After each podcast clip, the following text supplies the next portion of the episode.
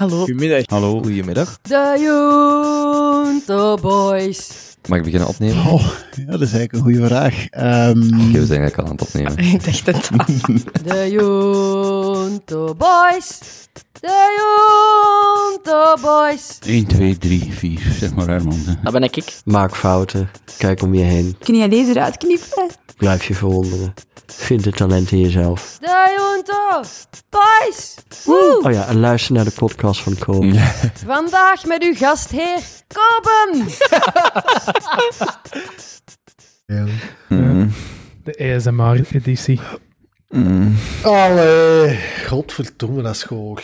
Je moet niet zo in die microfoon schreeuwen Ja. wanneer ik erin fluister. Mm, mm. Sound. Ah, dat, dat vind ik ja. Zo smakken, dat, daar kan ik echt niet tegen. Ja, dat, ja. Ah. Zeg Goed nog, veel iets waar je, speeksel. zeg nog eens iets waar je niet tegen kunt. Mm. Allee. Fuck, dat is goed, jongen. Uh, Mm, zo, we zijn nog niet aan het opnemen, iedere hè? keer. Nu wel. goed geoefend. Ah, ja. Ja. half gewonnen. Mo- Mo nog? Allee. Ah, lekker. Ah, dat is echt Zo vies. kan iedereen ervan genieten. weet En niet. niet alleen die meisjes om Ik twee weet uur eigenlijk s'nachts. niet hoe ik het, hoe ik het echt... eh, Twee ehm, uur s'nachts. Weet jij hoe je het echt Oh, ja. kruint? Zou hem dat halen, twee uur? Weet jij hoe dat je het echt kruint? Maar dat ik het echt kreun. Echt? Oh, jezus. Huh? Nee. Doe eens. Nee. Nee. nee. Daar zit niemand op te wachten. Zet jij luid in het algemeen? En hij bedoelt niet je koptelefoon, hè? Zit jij, zit jij best luid? Eh, je bedoelt een dagdagelijks leven? Eh, Ja, ja, in het avondleven Vooral in, in het nachtleven. Ja. Het nachtleven. Heb jij nu mijn koptelefoon niet meer opengedraaid? Ah, ik zit de hele tijd aan u. Ik dacht al, dat gaat toch niet luid? Ik zou bij God niet meer weten hoe dat nachtleven eigenlijk Ah, ja. werkt. Of Weet je, weet je, wat weet dat, je- dat effectief nog is. werkt uw la- nachtleven nog? Werkt hem nog? Mm, Nee, ah, dat mogen is disgusting, Jan. mm, weet, Oh, dat vind ik een van de goorste dingen, Jan. weet je nog? Toen ik in Wenen zat, dat ik eens naar u een audiofragmentje heb gestuurd, dat ik, iets, ik heb zo'n tekst ingesproken. Als je dat niet meer weet, zoveel te beter. Ik Ik dacht dacht dat ik jij... eens Ik opduikelen dacht, voor dat de jij, volgende ik dacht dat jij ergens een kopie had, zo van audio, dat ik achteraf dacht dat ik Oh, nooit dat mogen vind ik nog sturen. wel. Ja. Oh, doen. Wenen, Zeker doen. Wenen. Dat is al een paar jaar geleden, hè, Dat was, Wenen. dat was ergens begin 2019, maar ik, moest, ik was een microfoon aan het testen en ik had echt zo, ja, zo'n, mm, ehm, hoe heet dat, zo'n, ehm, nee, een, En als je de microfoon test, dan begin je gewoon spontaan te monen. ja, of nee, dat was, nee, dat was echt zo, ik was denk ik zo'n, zo'n ehm, erotisch kort verhaal aan het voorlezen of zoiets. Ja, ja, ja, ja. Oh, dat, Weet je moet dat ik- nog? Ja, dat moet ik nog wel kunnen vinden. Dat, is wel, dat is wel grappig. Dat zou ik nog wel... Ja, ik ga een Een poging doen. kort verhaal door Kobe. Zal je dat posten op uw feed? Mm, nee, nee, ik zou dat echt niet posten, denk ik. Allee. Want ik Maar dacht- ik snap dat niet. In de week ook tijdens het pokeren. Wacht, ik ga uw koptelefoon iets luider zetten Ja. en uw microfoon iets achter. Ehm, zeg je ook zo dat, dat hele... Dat, een van die betere dingen dat je ooit hebt geschreven, vind ik persoonlijk, is over die date. Oh ja, En- prachtig. Allee, ik vond dat echt goed. Ja, ja. Dat is echt Bukowski-achtig. Nee, jong. En daar schamen u dan over. Maar dat is oprecht een van de betere dingen dat je ooit geschreven hebt. Dat zou jij nu Ben niet ik meer wel mee doen. akkoord. Ha, ik heb dat offline gehaald. dat maar kun je zelfs niet meer vinden. Ja, Ik, eh, oh, ho, ho, ho. Challenge? Slechte, nee, nee, slechte. Wel, ik heb er zelf ook wel een kopie van.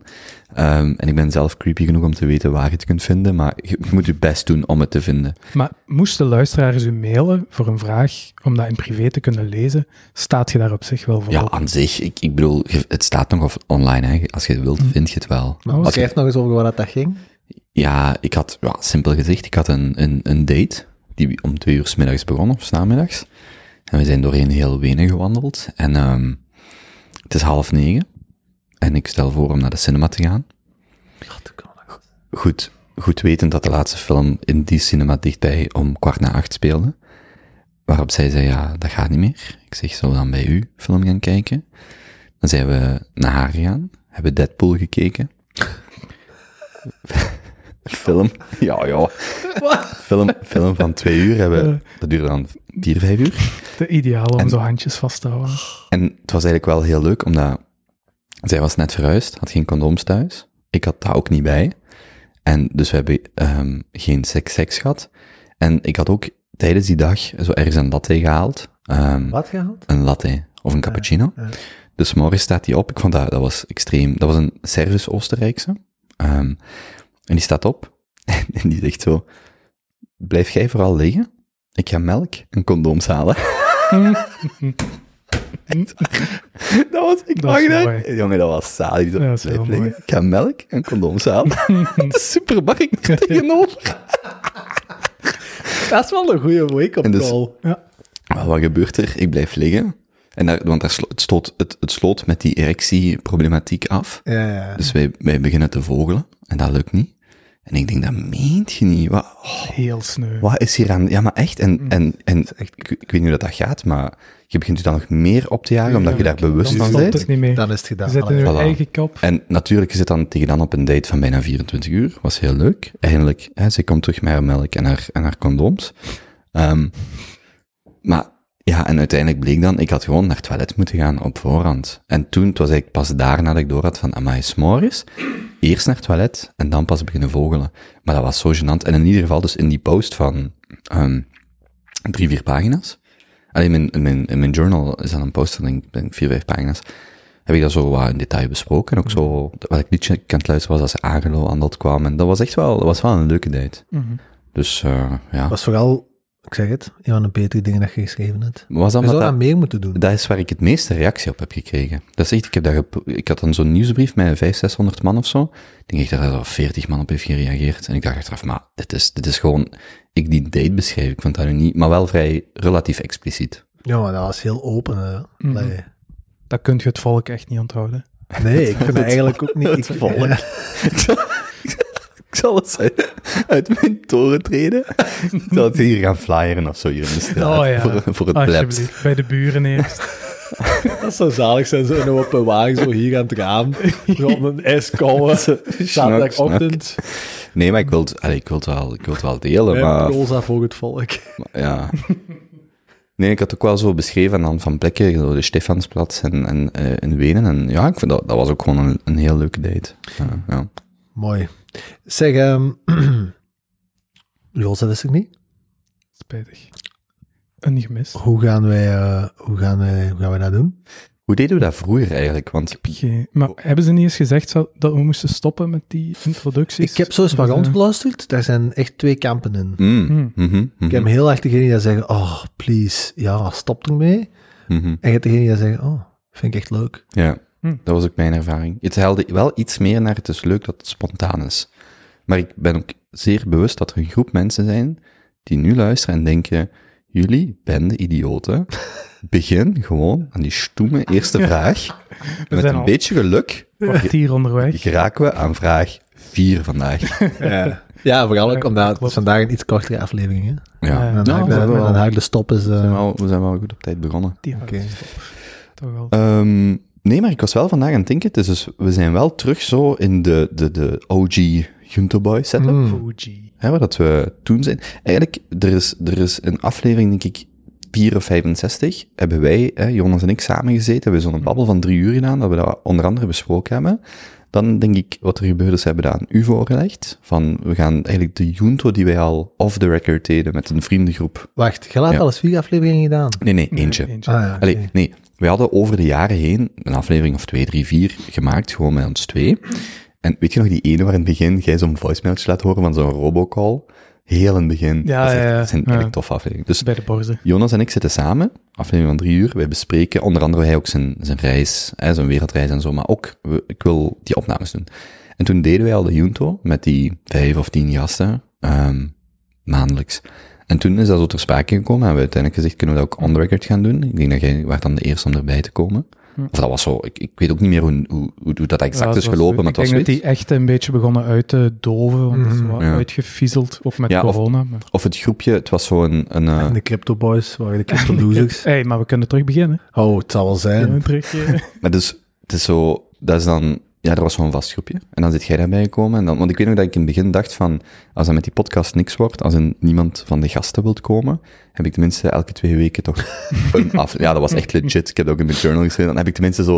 Ik heb minstens 26 afleveringen, of ja, 20 à 26 afleveringen op een jaar. Format. Ja. En zo is dat gekomen. Maar dat is ondertussen... Ja, dat is, dat is eh, september of zo, 2019. Dus dat is een dik jaar geleden. Junto. Ja, jong. Ja. Dat zou ook moeten gebeuren voordat je dat als tatoeage laat zetten. Wa- waar? Ah ja, waar. Ik was aan Ja, het denken, waar? dat is wel een mooie. Junto past wel op vijf tenen. Goh. Ik denk dat Junto zo... past wel op, hè? Vijf tenen. Jesus. J-U-N-T-O. Wat, wat moet ik krijgen? Als je daar op je, op je tenen laat zetten. Oh, nu zit je zelf Eh, vast ik aan het praten. Ja, inderdaad. Ik kan, Nee, even, serieus? nou, wat moet er gebeuren? Honderd afleveringen. Nee, nee, nee. Ik Ah, zou... ik Duizend eens- afleveringen. Ja, honderd afleveringen. Duizend. Als wij 100 afleveringen van de Junto Boys doen, dan laat jij Junto op je tenen Dan laat bewegen. ik... Kijk, ik zal zeggen, dan laat ik een J op mijn, onder mijn dikke teen. Dat vind ik een mooi begin. Goed. Dat, kunnen we op afkloppen. Klap je daarop. Honderd luisteren mensen Ik heb bij- mee. Dat was zo, Waarom laat ik dat was zo... zo gemakkelijk. Ja, ik dacht, we, ik dacht, we zitten aan 30. Tel mee. Ik zit, we zitten aan 30. Ja, ik ga maar daar aan dat is zitten, oké. dat, dat duurt nog drie jaar. Ja, maar dat is oké. Iedereen heeft dat gehoord. Dat komt ook op de website. Dus ik pak een eerste notitie. Knip dit eruit. Ja, dat zou wel zijn. No fucking way. We hebben nu ook toegang tot je Instagram-account, man. Ah, ja, Ehm, juist. ja, juist. Nee, ik was eerder aan het denken, bijvoorbeeld zo een live show waar dat zo duizend man is of zo. Zo echt zo'n absurd groot cijfer of En dan zo. laat je Junto op je teken. Nee, nee.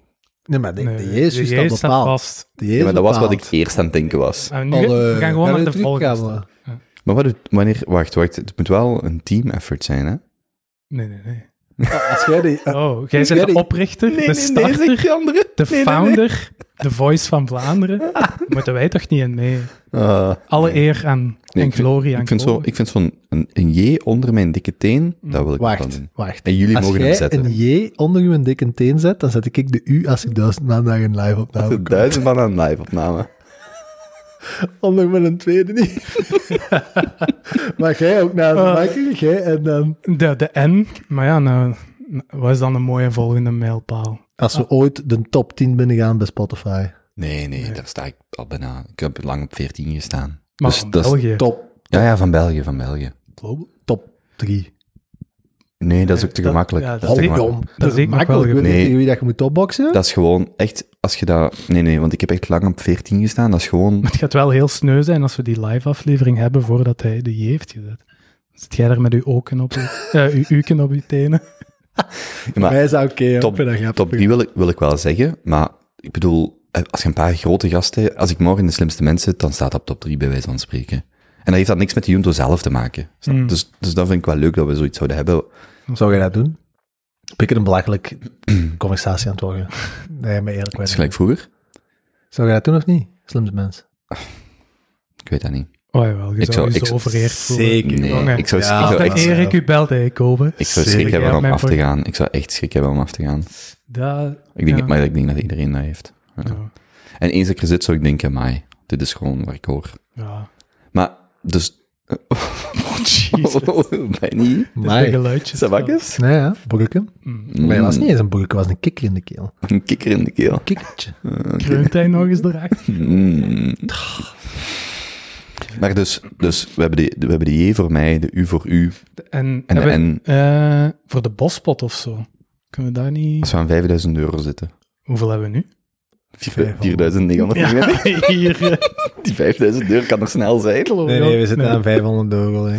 540 als we een foto verkocht hebben. 540. Als we de, 5000 euro. en dan Ja, doe dat- jij de... Wacht, jij de J, Jij de U. U, jij de N. Ja. En dan moeten we een, nog iets vinden voor een te, voor de T. T voor de teun. En de O voor Jozef. Ja, joh. Ja, ah, ja, is goed. Oké, dus dan gaan we mee akkoord, hè. Wat leggen we dan nu dan? Wist je trouwens Vast. ook dat Junto van ieder van ons minstens één letter van onze naam heeft? Oh my. Smitch, ja, wat. Oké, maar dat ligt vast dan, hè. Dat ligt bij deze betreft wel. Ik op 100 afleveringen, Benny op eh 1000 eh, bezoekers voor de live show Dat gebeurt echt nooit. of, of livestream. En dan... nee, eh, nee, nee, nee, nee, nee, nee. Live show. Live. Maar als we het een live show doen op een ander evenement waar duizend mensen zijn, Als nee, er nee, nee, op, nee, nee, nee. Wacht, hier Ah, ja, als het ja, hier ja, is. ja. duizend mensen voor de Junto als zijn. we. Duizend voor de Junto is duizend voor de Junto. ja, maar, ja. Dus stel, we krijgen over twee jaar een tent op Pukkelpop.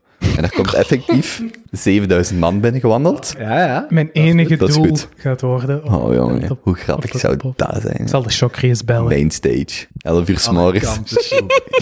Ehm, En dan komt er geen duizend mannen. Oh jong, voor de Junto boys? Hm, zwaar, er is iets voor te zeggen. Ik begint oké. een beetje een circle jerk te worden. Ja, Ehm, nee, we moeten, daar- daar moeten we echt mee stoppen. Maar wat? Vraag Circle 1. jerk. Ah. Nee, maar dus, oké, dus dat is gezet. Dat, is wel, dat, is wel, dat vind ik wel leuk. Trouwens, als Dat er, heel grappig zijn. als er luisteraars zijn die zich mee willen engageren, voor een J, een U of een N, ik hou een lijstje bij, hè? Met mij gewoon een DM sturen. Oké. Cool. Ehm, ik had nog iets in mijn hoofd. Dus voor de duidelijkheid, dat gaan we ons nu niet voorstellen. Hè? Misschien heel kort. Eén zin. Onszelf? Iemand maar, anders? Doe jij de rest.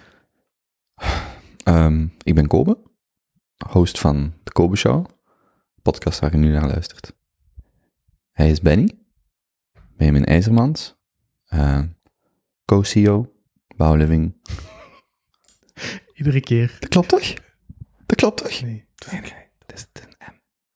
Zie je, Het is ook... Het is ook zit je gedegradeerd? ja, gewoon... Nee. Nee, je hebt dat gewoon al jaren in mijn kop Is zitten. Oké, oké. Dus de ehm, voormalig co-CEO, nee, sorry, de, de CMO van eh Bouwliving, ehm, ja, en ehm, Jonas Jansen. Ehm, ik twijfel altijd of je achternaam Jans of Janssens is. Heb ik u dat ooit gezegd? Ik daar altijd over twijfel. In de week vroeg nog iemand, Mensen, gewoon Janssen. iemand vroeg nog uw naam of een foto van u. En eh, ja, ik moet u dat off the record vertellen. Maar eh, anyway, Jonas, eh, terug in België. En terug naar een reis in het buitenland om weer de Junto te vervolgen, ver, ver, ver- vervolledigen, gelijk dat dat vroeger was. Mooi. Oké, Cool. ik heb vandaag ik heb een aantal aankondigingen, dingen die ik wil delen, eh, die ik wil aanvullen. Een paar updates. Ik kan die in het begin doen, ik kan die op het einde doen. Ik weet niet wat, wat best past. Maar er zijn een aantal dingen die ik met jullie wil bespreken, een aantal aankondigingen. Doen we eerst vragen? Was, was jullie voorbereiding slash, eh, hoe ziet het voor jullie Er eruit? zijn een paar aankondigingen. Ja, ik, ik heb een aantal dingen die ik kort wil meedelen. Doe maar, begint daar maar mee. Oké. Ehm, een hele tijd geleden hebben wij de Five Love Languages boekketen gestart. Het idee dat er zijn een aantal boeken uitgegaan naar luisteraars en die zouden die doorsturen naar de anderen. Een van die boeken is uiteindelijk bij Jozef terechtgekomen, ligt daar nog steeds. De boekketen, de boekketen is uiteindelijk verder gezet. Ik heb een aantal mensen nog boekjes gestuurd, die hebben die gelezen. Dus voor de luisteraars die al van vroeger luisteren of net niet, Five Love Languages is een boek dat we vaak over gehad hebben. En het idee is dat je mij je adres stuurt en de vorige lezer of lezeres stuurt het dan door naar u. Dus voor mensen die geïnteresseerd zijn in de Five Love Languages, eh, stuur mij je adres en ik stuur het door naar u. En voor oude luisteraars, die gaan sowieso weten wat dat is. Dat was één ding. Dan eh, een tweede ding. Eh, we hebben een reactie van een luisteraar. ik heb drie dingen. Dus dat eerst was de boekketen. Een reactie van een luisteraar. Maar welke boeken? Eh, Five Love Languages. Ah ja, oké. Ja. Ja. Dus dat één, daarvan zijn er twee of drie in omloop bij luisteraars. Dus als iemand mij zijn of haar adres stuurt of mailt, dan krijg je het doorgestuurd.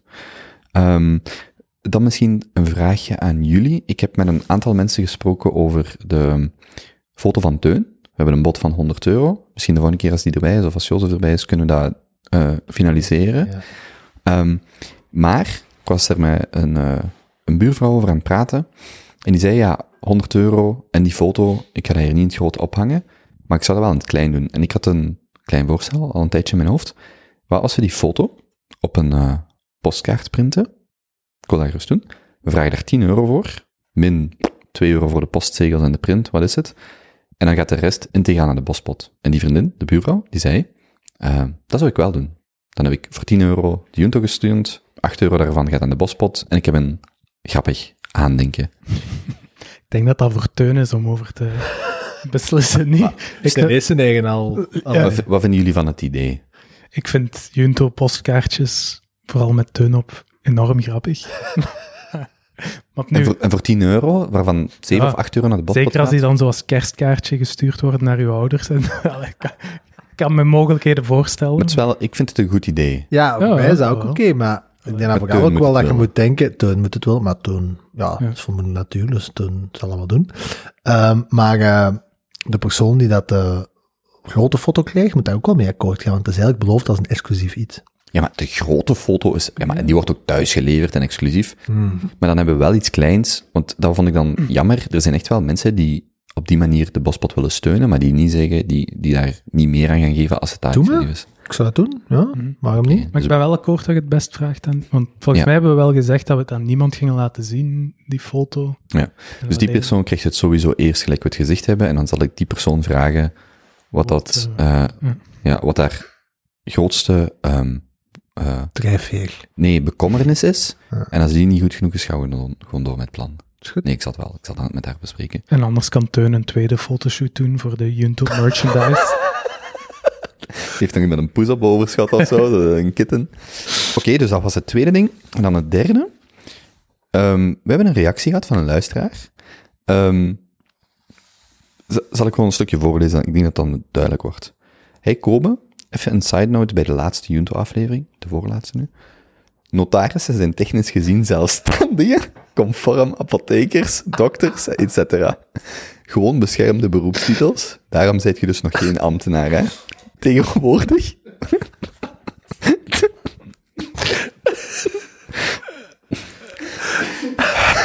Wacht. Tegenwoordig moet je deelnemen aan een redelijk streng vergelijkend examen dat uit drie rondes bestaat en waar uiteindelijk ongeveer 37 mensen in Vlaanderen per jaar benoemd worden als een notaris. Als dochter van een notaris krijg ik echt vaak te maken met de standaard vooroordelen waar mijn haar van overeind gaan staan. Vooroordelen. Vooroordelen, sorry. ja. Zo, wat zei ik? Vooroordelen. Voor, ah ja, vooroordelen. Dus bij deze. Het hoogachtende gedeelte was ik het volledig mee eens. Dat vind ik over alle beroepen heen gewoon een beetje belachelijk. Maar misschien moeten de Junto Boys gewoon een betere notaris fixen. Ja, dus Eh, bij ja. deze, notarissen zijn Voilà. geen. Verhoogd engagement met de Junto Show. Dat is echt zalig als je binnenkort zo bij een notaris moet zitten en je bliksemt u echt gewoon dood. Oh ja, ja. Ik vond dat wel een heel... Ik, ik ben vergeten wie dat... Allee, ik heb moest niet van het hart. gescreenshot wie Ik zal dat ze niet, vermeld ze niet bij naam. Ja. Nee, nee, nee. Ah, nee, nee, maar ik, ik was wel aan het denken. Ik vond dat extreem grappig toen dat binnenkwam. Ik heb, ik heb echt, ik heb hard, dat is voor mij een van de, uw spontane reactie, dat zijn toch ambtenaren echt een van de top 10, top 10 Junto momentjes. Ja. Toekoer. We nemen het allemaal niet te serieus. Het is allemaal zo erg niet. We lachen met alles. Ik ben uitgepraat wat mijn drie dingen betrof. Ik ben wel benieuwd of jij een update hebt over het samenwerken met die, met die klasse aan mensen. Ik weet niet of we daar aan moeten mensen. Ehm, eigenlijk op zich, vo- voorlopig gaat het allemaal goed. Ik ga er binnen een week langs moeten, dus ik hoop heel hard Dat de. Junto-show daar niet eh, iedere week op staat. Maar voor het algemeen vlot nu wel met die mensen. Ik ga nu wel ook meer om met die... Die hebben een secretaris of secretaresse voor het, eh, het werk. Eh, en eh, ja, daar mail ik nu veel mee op en af. Dus ik Wat heb geen grote update. Wat vind je van dat werk? Welke woorden zouden passen bij uw laatste opdrukking? Ja, gewoon het, het, uitvoerende werk, laten we zeggen, Hmm. wordt gedaan door de secretaris en secretaresse. Dus Mhm. ja, wat doet die? Nou, kijk, er Maar- zijn bedenkingen bij dan. Maar dus jij komt wel dichterbij, het, eh, het grote moment. Dat wel, ja. Bijna huiseigenaar, of hoe zeg je dat? Eh, groot grondbezitter. dus ja, dat wel. Maar geen, nog geen grote update. Mhm. Maar, als er nog dingen voorvallen. Dat leidt ons misschien ook nadeloos in het volgende onderwerp. mhm. Is een baby? Stre stressjes? Ah. Oké. Misschien de eerste vraag. Eh, ja. Mij, ja. Mooi. Eh, Ehm, hoe gaat het? Hoogtepunt en of stressje van de laatste tijd? Ah, wel, het gaat eigenlijk goed. Het gaat, eh zou ik het geven, op 10, 7,5 in het algemeen. Dus vrij degelijk. Maar eh, wel wat stress van met veel dingen tegelijk bezig zijn. Dus één daarvan is zo het huis. Heel veel projecten tegelijk lopen. Heel druk bezig eigenlijk. En ik was onlangs nog aan het denken dat ik ergens wel blij ben, of dat ik hoop, dat COVID nog even duurt. Want als het sociaal leven er ook nog bij gaat komen, dan gaat het zo beginnen kraken langs alle kanten. Ik denk dat dit trouwens zo, klinkt heel sneu, zo het enige sociaal moment is dat ik nog heb buiten familie en zo, denk ik. Van mensen die ik zie buiten schoonouders en ouders Mm. en broers en zussen. Ja. Dus, eh, het is wel altijd heel aangenaam. Wacht, heeft dat te maken met de fysieke afstand? Want ik merk bijvoorbeeld ook, wij zien ons, hè, we zien elkaar veel minder dan gemiddeld de laatste jaren. Maar de afstand, de fysieke afstand, heeft daar natuurlijk een grote rol in, omdat je gewoon niet meer zo snel om de hoek, en dan uiteraard door corona dat er niks open is. Maar heeft dat er veel mee te maken, dat je minder mensen ziet als ervoor? Ja, ik denk dat wel. En langs de andere kant, ja, wat kun je gaan doen? Je kunt gaan wandelen. En je kunt Mm. praten over hoe dat je alle twee niet veel gedaan hebt de afgelopen twee weken of maanden. Of over je werk of zo, projecten. Nu, voor de duidelijkheid, ik zie daar niet per se van af. Het, is, het moet nu ook geen jaren gaan duren, maar ik vind het niet zo erg. Mm. Ik ben niet de meest uitbundige, sociale, feestende persoon in het algemeen. Dus ik zie daar niet van af van thuis te zitten. En voor mij duurt het ook nog maar ja, sinds september. Hè. Dus Mhm. kleine vier, vijf maanden. Valt allemaal wel mee. Maar ik heb me dan veel werk op mijn schouders genomen met eigen projecten, het werk, het huis bouwen. Dan beslist van een buitenverblijf te bouwen achter mijn huis. Dus daar nu mee bezig. Wacht, een tuinhuis. Buitenverblijf, alsjeblieft. Buitenverblijf. nee, ja, dus het is... eh, was een buitenverblijf. Je zet iemand ja. op de deur en je zet die hier. Je zit nee, in een nee. buitenverblijf. We hebben veel zitten discussiëren over hoe we het gingen noemen. Eerst was een chalet, maar chalets die staan in Zwitserland, dus no way dat we dat chalet gaan noemen. Een tuinhuis is ook een beetje te klein, want het plan is wel om er even in te gaan wonen tijdens de totaalrenovatie. Dus het is... Een garage. Nee, want er gaat geen auto in. Dus het is ook geen garage. Hm. En het zou later een tuinkantoor worden, dus voilà, buitenverblijf in de tuin. Een buitenverblijf. Een buitenverblijf. Dus daar ga je eerst in wonen tijdens de renovatie. Dan gaan we eerst bouwen, eerst in wonen en dan... Ver- verbouwen, hè? Nee, nee, nee, er is nog niks hè, van buitenverblijf. Ah, ja, ja, ja. ja. Dat wordt eigenlijk gewoon houtskelet bouwen met ja, Mhm. isolatie en... en Mijn broer heeft dat ook zo gedaan. Hè? Die, heeft, die heeft dan de garage gebouwd. Daar zijn die in gaan wonen met uiteindelijk het doel om dat als garage te gebruiken. oh, ja. Maar die hebben daar echt, well, ik bedoel, dat was wel een grote, maar dat was dan een aparte garage. Daar hebben die in twee jaar in gewoond, terwijl dat die, eh, terwijl, ja, maar met nog kinderen erbij. Oh, Maar, Jezus. terwijl dat die het huis waren aan het bouwen. Dus dat Ja. was wel intens. Ik hoop goed. wel minder lang als twee, maar je weet niet. Ja, het zou kunnen. Maar het idee is om dan later ook als eh, tuinkantoor te kunnen gebruiken. Dus Hmm. deels tuinkantoor en deels tuinhuis. Dus geen, geen grote tuin, dus daar moet alleen maar een grasmaaier in of iets. Maar als ik dan een kantoor heb, los van het huis, ver weg van alles, midden in de natuur, zou, Jong, dat is zalig, ja. zou wel mooi zijn. Dus dat gaan we eerst bouwen. en dan, eh, want je moet toch wachten op van alle aanvragen. En Hoe lang? afspraken. Wacht, dat is, nog, dat is wel nog voor dit jaar. Aan dat buitenverblijf ga ik beginnen binnen een Ik week. kikkertje Ik heb ook een, ik heb ook een keertje. Ja, sorry. Dus eh, we gaan 19 februari tekenen en dan het weekend erop zou ik willen beginnen. Wordt wel fijn, dus mijn opa heeft heel veel huizen gezet en die doet ook niet zoveel tijdens COVID, en die, maar die kent er wel heel veel van. Hmm. Dus ik ga ook samen met hem proberen de fundering en de plannen uittekenen. En die is altijd elektricien geweest. En Dat is die dingen. zalig, jong. Dus dat is wel, die kent daar ook heel veel van. Ik ben relatief handig, maar ik zou niet weten wat fundering moet je hebben in een, klein, in een kleigrond. Maar is het handig als je weet wat je moet doen en als je dan iemand hebt Ja. die je zegt, dan moet je, doe dat zo Ja. deftig, dan kun je go. Constructie is niet mijn... eh, Zeg je niet handig met com- computers en zo, maar ook echt gewoon fysiek dingen maken en zo? Zo houtbewerking en zo, of wel. Maar je hebt daar wel plezier in ook, hè? Je Ja. doet dat ook gewoon, ja. Zo wat mee bezig zijn. Nu is het wel lang geleden weer, dus ik hoop dat het er nog wat in... Maar ik heb het over kleine dingen, hè. geen huizen bouwen en zo. zat je vroeger ook niet zo in een makerspace of zo?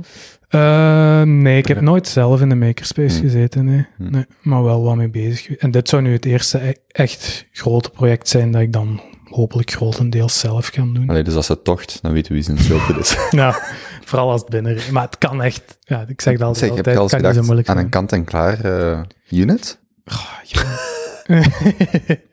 ja, als er nu zoals een top start-up was, die dat voor met veel korting kon aanbieden. Ik ken een subtop start-up. tot Z. sorry. ja. ja. Nee, ik denk niet dat dat echt van toepassing is. Het gaat heel, heel, heel budget zijn. Dus Hm. Eh, Oké, cool. ja, wordt wel leuk. Zeg, een eh, update op de weddenschap. Is Elke al zwanger? Elke is nog niet zwanger. Volgende week, nee, twee weken meer. maar ja, we, is hebben tot van einde, we hebben tot einde van het jaar, hè? Ah ja, is dat zo? Kijk, We, we hebben, dat is een grapje. Grapje woordkeuze. We, we hebben van tot het einde. Ja, maar ja toch, hè? Ja. Oké. Ja, ik, ik herinner mij de weddenschap al niet meer, maar Ehm, voorlopig het, dus het, het was, het kwam in een kerstspecial ter sprake dat het gewoon leuk is om daarop te wedden, omdat dat wel zo'n groot ding is. En dan was eigenlijk de, de insteek dat, hè, ofwel nog zwanger in dit jaar, in 2021. En dan was de grap dat we niet hadden gedefinieerd. We hadden gewoon gedefinieerd dat elke zwanger moest zijn. Mhm. Niet dat jij papa moest worden. in ieder geval.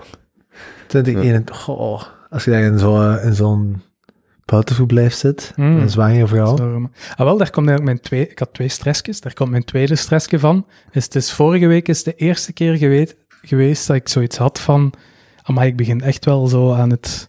Ja, ik ben hier in deze, in deze groep al de family man, maar zo voel ik mij gelukkig nog niet. Maar het is wel, ja, je begint zo aan je huis en aan eh, ja, je gezin nog niet, maar dat zit er dan ook allemaal wel aan te komen. Eh, en zo ergens wel een stressje van wat gaat er gebeuren met mijn persoonlijke projecten en doelen en ambities en zo. Dus niet dat die van, ah, je hebt ook heel ambitieuze vaders en weet ik veel. Maar toch, ja.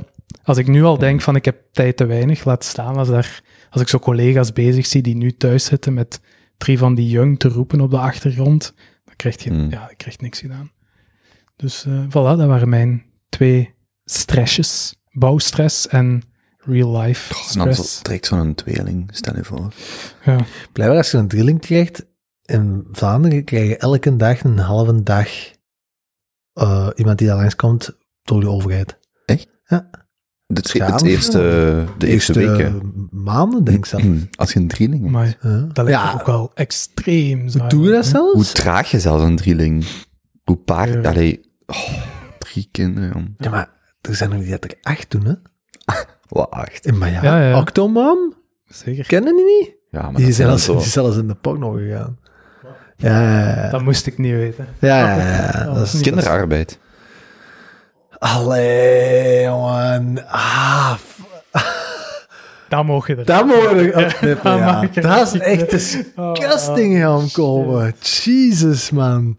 Maar nee, maar die is zo... In Amerika heeft die zo'n... ehm, die is zo'n... Ook volgens mij ook zo'n serie gehad en zo, gelijk de Kardashians. Ja, ja, maar dan ken ja, mij van. ja. Dat is toch een vrij bekend fenomeen. maar Ik kan dat jij dat niet kent. Ja, maar... Hoe kan dat? Ik heb betere dingen te doen. Oh, Maar- jongen, toch. Maar, maar het is wel... Nee, maar wat ik wel wel aan het denken was, zo...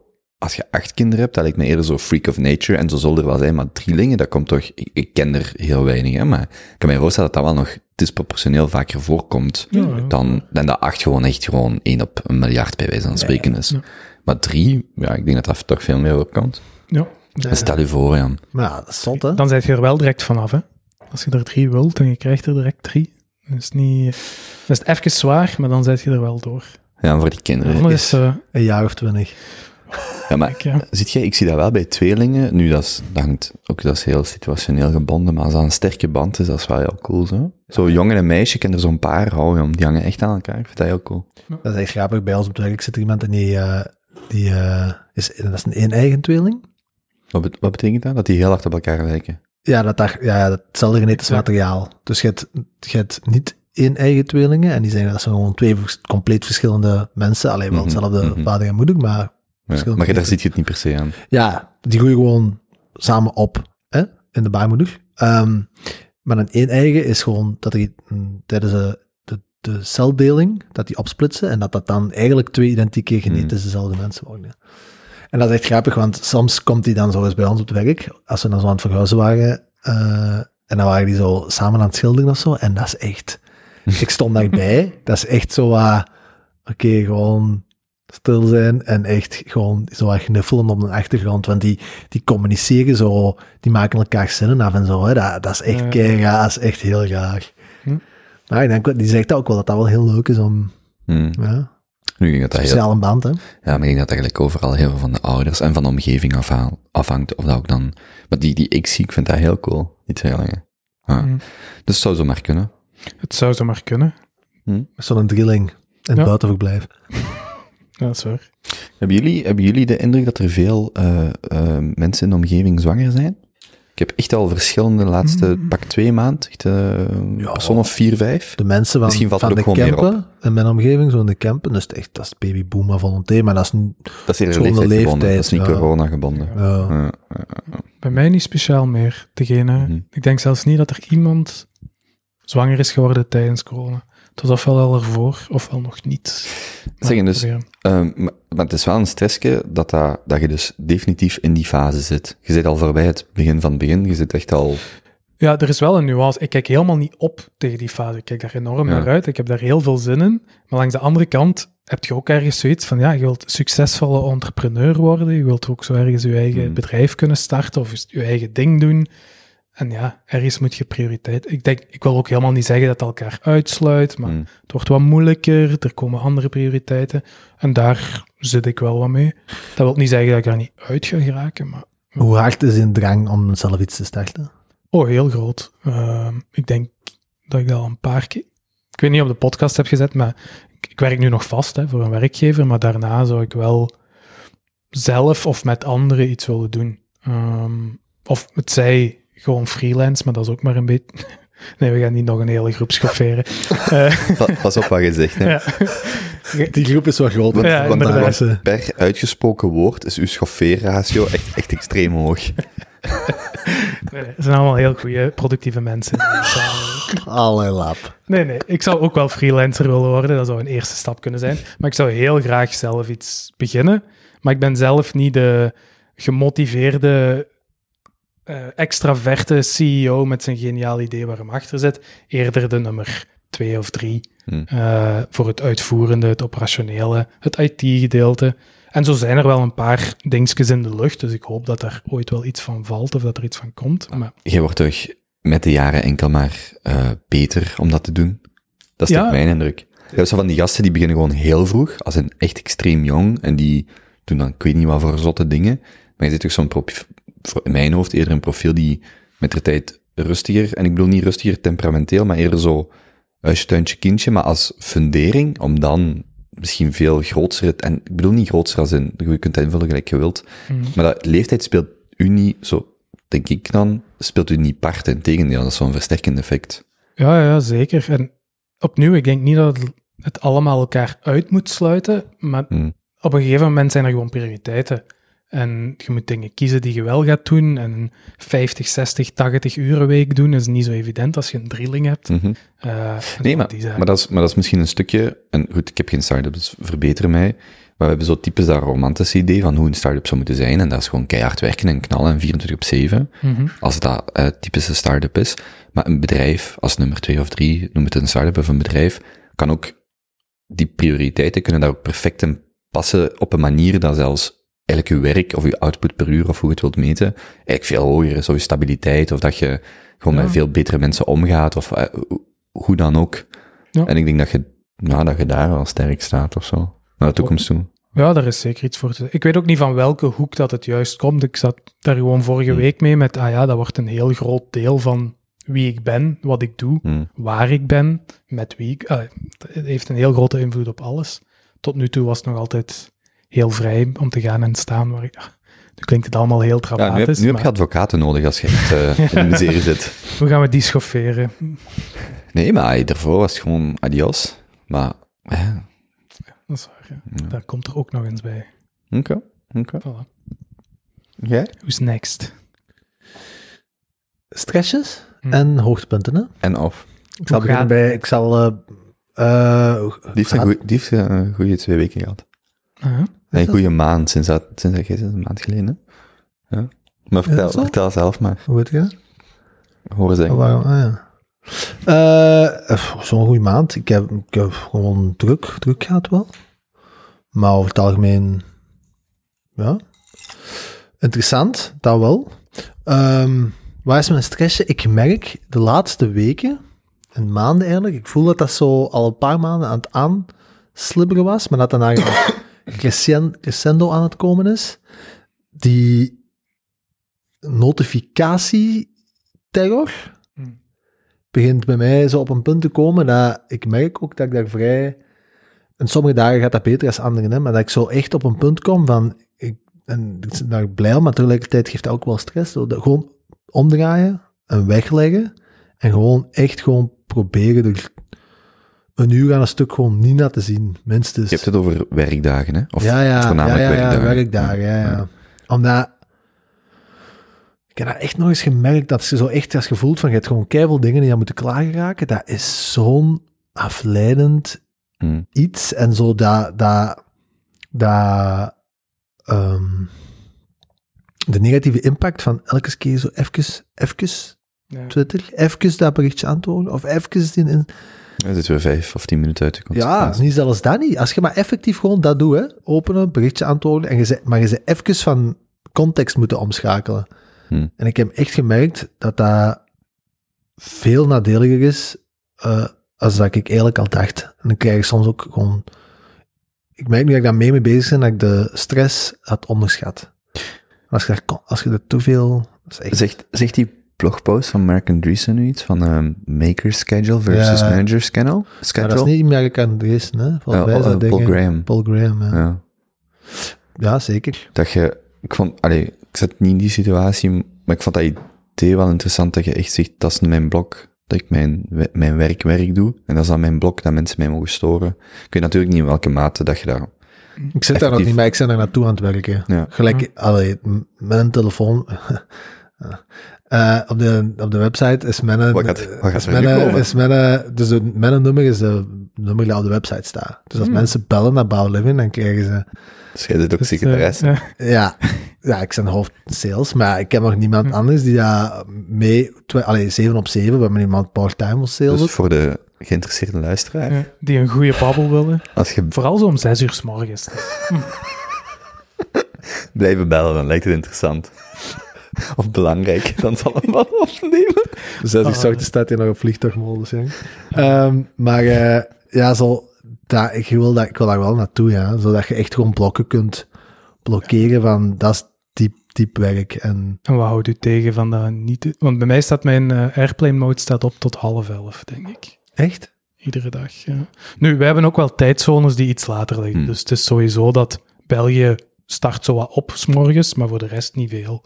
De rest is pas van vijf, zes uur s'avonds. Want als je bijvoorbeeld weet, ik weet niet of je dat voor jezelf al aanvoelt, wat in een gemiddelde dag je meest productieve zone Voormiddag. is. Voormiddag. Oh, ja? Dan is het toch niet zo moeilijk om te zeggen van, tegen uw medewerkers en ook op termijn tegen uw leveranciers, zeg niet uw agenda morgen, maar van, kijk, van tot half twaalf is gewoon, laat mij doen. Ik, ik weet niet of dat haal, dat is niet morgen haalbaar, maar dat Maar dat toch... probeer ik, hè. Dus ik, ik sowieso op de afspraken, heb ik tegen de mensen die dat de afspraken inboeken en zo, ook Hmm. gezegd van, nee, namiddag, zoveel mogelijk. Dus dat, dat doe ik al wel. Hm. Maar dan nog, hè, de gewoon, ja, Slack, Slack notificaties, of, of je moet je team aansturen, dat team zit nu helemaal remote. Ja. Allee, dat is echt een Mhm. nest, jong. is ook niet het moeilijke van heel veel online tools en gewoon, eh, uw werk bestaat uit contact met andere mensen, dus je kunt dat, dat deeltje niet, niet per se afzetten. Nee, nee, nee. Dus daar, bon, kan daar nu nog heel over, eh, voor, op ingaan. Eh, dat is mijn stress zo, maar ik, dat is wel, ik heb ook gemerkt dat, allee, ik probeer daar nu aan mee, mee, mee bezig te zijn en de positieve impact ervan is ook wel merkbaar. Dus daar, het hoogtepuntje, en mensen die dat het een beetje volgen, eh, gaan, de, we gaan nu misschien met hun ogen rollen, maar ja, gisteren was voor mij wel echt een absoluut hoogtepuntje, dat bekend werd gemaakt, dat, eh, dat Tesla anderhalf miljard in bitcoins aan Die geldstroom. ja.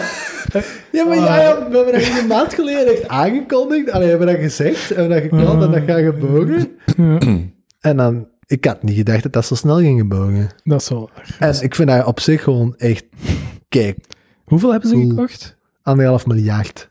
Maar het is, het is wel wat indrukwekkend is, dus Tesla is om en bij de 800 miljard waard. Hm. Ze hebben blijkbaar 19 miljard aan cash. Dus ze hebben 10% ongeveer, om en bij de 10% van hun cashreserve omgezet, wat wel, dat is niet een halve procent of zo. Dat is wel, Ja, wel cool. Dat is wel vet. Maar ik vind het gewoon heel gaaf dat zo het bedrijf, waar dat, allee, je kunt daarover discussiëren, maar dat is wel een bedrijf dat, denk ik, een echte voortrekkersrol speelt in duurzaamheidsdenken en daar positieve impact op hebben op bepaalde grote uitdagingen wat betreft klimaat. Mhm. Dat die dan ook zo nog eens meegaan in, volgens mij, ook een, tool die naar heel veel andere grote uitdagingen van deze tijd mee kan verhelpen. Dat is wel, ik ben daar wel enthousiast van. Allee, Ja, ja, dat is waar. Heel ehm, tof bedrijf. En ik had niet gedacht dat dat zo snel ging komen. En Twitter werd weer zot. Ja, Dat zijn echt de beste dan bij dagen. Die Elon is wel aan het uitsteken met aandelen en met zijn crypto-coins. Heb je Ja, die- GameStop en zo die- gevolgd? ja, want maar hij heeft toch zo een jaar geleden of zo van de SEC is hem op zijn vingers getikt. Ja. Toen hij zei, ik ga, private, ik ga Tesla private halen op 420 dollar. Of- jaar ja, ja. Die heeft hem 40 miljoen een boete moeten betalen. Allee, 2020 Tesla hij. En nu is er zo met Doge en dan GameStop. Maar GameStop was nog... Maar daar- heeft er nooit aandelen van gehad, hè? nee, maar hij heeft daar wel... Hij, Oh, nee. nee, maar hij heeft er wel rond getweet, hè. Hij heeft Ja. wel... Ja. Ja, ja, Ah. maar ja, ja, maar ja, goed. Maar dat was dan wat, wat bij de SEC ook over ging, hè. Want- maar, Maar er is een verschil als je tweet over een aandelenkoers van je eigen bedrijf Ja. of een totaal random aandeel, hè? Dat maakt niet uit, hè? Nee, maar het is ook wel... dat hij een interview heeft waarin hij zegt, ik respecteer de SEC absoluut niet. Oh, ja, maar hij heeft het al een paar keer gezegd. Eh, Ja, ja, Prachtig. ja. Maar die is wel... Misschien moeten we uitleggen wat dat is, de SEC. Ja, dat is gewoon de, de Amerikaanse waakhond of regulator rond alles wat met financiën te maken heeft. Alleen nee, niet alles, maar wat met eh, aandelen, met, met obligaties te maken heeft. En die, die controleren gewoon dat bedrijf volgens de regels speelt, volgens de financiële regels. Maar wat bij Elon, die begint wel zo wat, hè, want het gaat ver, maar zo wel dat larger than life. Zo, Ja. echt, zo echt zoiets van, fuck it jongens. En, en, en, want hij is dan nu met kop en schouders ondertussen, denk ik, de rijkste man ter Nee, nee. wereld. Terug niet meer. Ah, terug niet meer? Nee.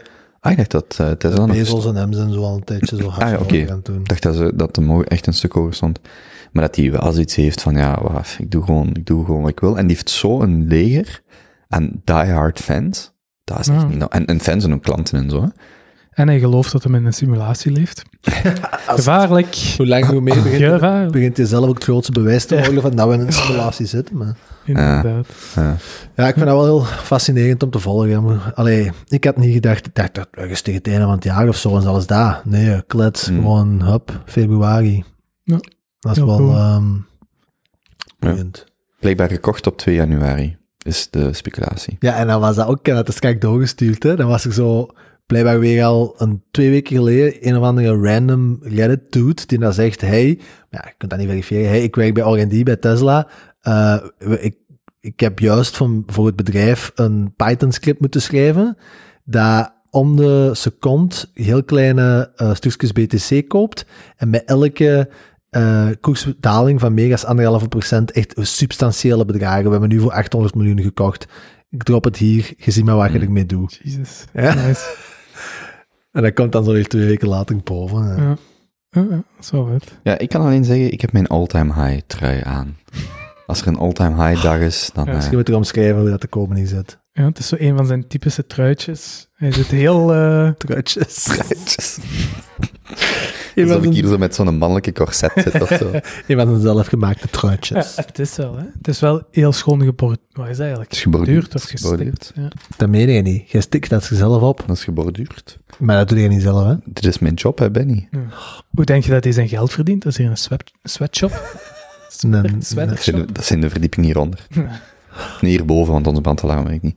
Maar, Eh, nee, maar, is wat. Ja, ik vind die, alles wat Musk betreft, is gewoon, dat wordt gewoon disproportioneel interessanter, maar de, mhm. de tegenstand of zo wordt ook gewoon groter en groter, maar dat is wel zo iemand waar je zo eens naar kunt kijken en denken, wat heeft hem vandaag weer retweet of zo? Dat is Ja. waar, ja. Vooral het contrast met andere miljardairs en zo is gewoon zo enorm. Blijft Dat is een man of the people. Dat is ook, ook zo, ik weet niet of dat Joe Rogan of Eric Weinstein, een van die gasten zei zo, hè, dus zo dat citaat van, what's, what's the point of fuck you money if you don't say fuck you? Mhm.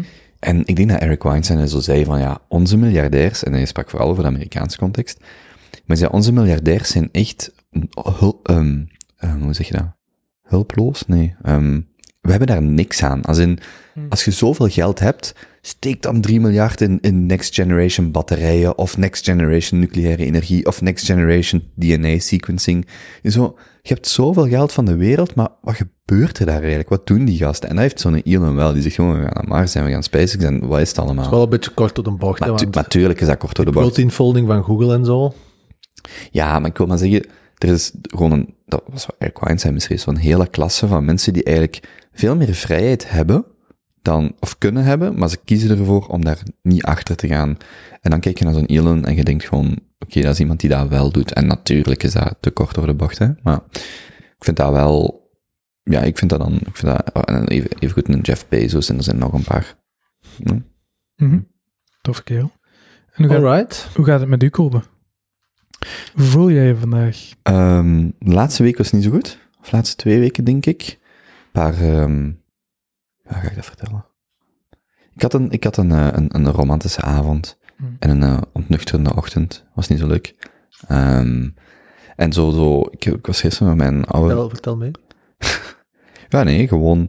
Ik, zodat, zodat, waar ik deze week mee zat, vorige week ook denk ik, zo dat idee van eh, wat mensen ontmoeten aangaat, en ook daten, maar ook zeker mensen ontmoeten. Ik probeer er altijd relatief veel moeite voor te doen, naar mensen toe te gaan en, en, en echt tijd en moeite in te steken. En zo dat daten is zo al een paar jaar of zo, dat dat zo sluimert van dat ik het gevoel heb dat ik er altijd moeite in doe, maar ook mentaal veel mee bezig ben. En dan is dat zo een aantal keer nee geweest Hmm. direct, indirect, van het begin op het einde, op verschillende vlakken. Ik denk dat ik nu zoiets heb van, pff, ik ben daar gewoon allemaal beu. Daarbovenop nog heel die corona-context, ja, je kunt gaan wandelen. Nou, is- En, en, Dat en is het, hè.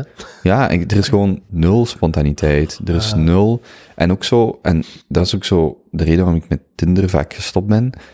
Als ik bijvoorbeeld daar een date heb, dat is, ik weet niet of, dat ik, dat ik leuk om over te praten, want misschien is dat gewoon iets weird wat ik heb.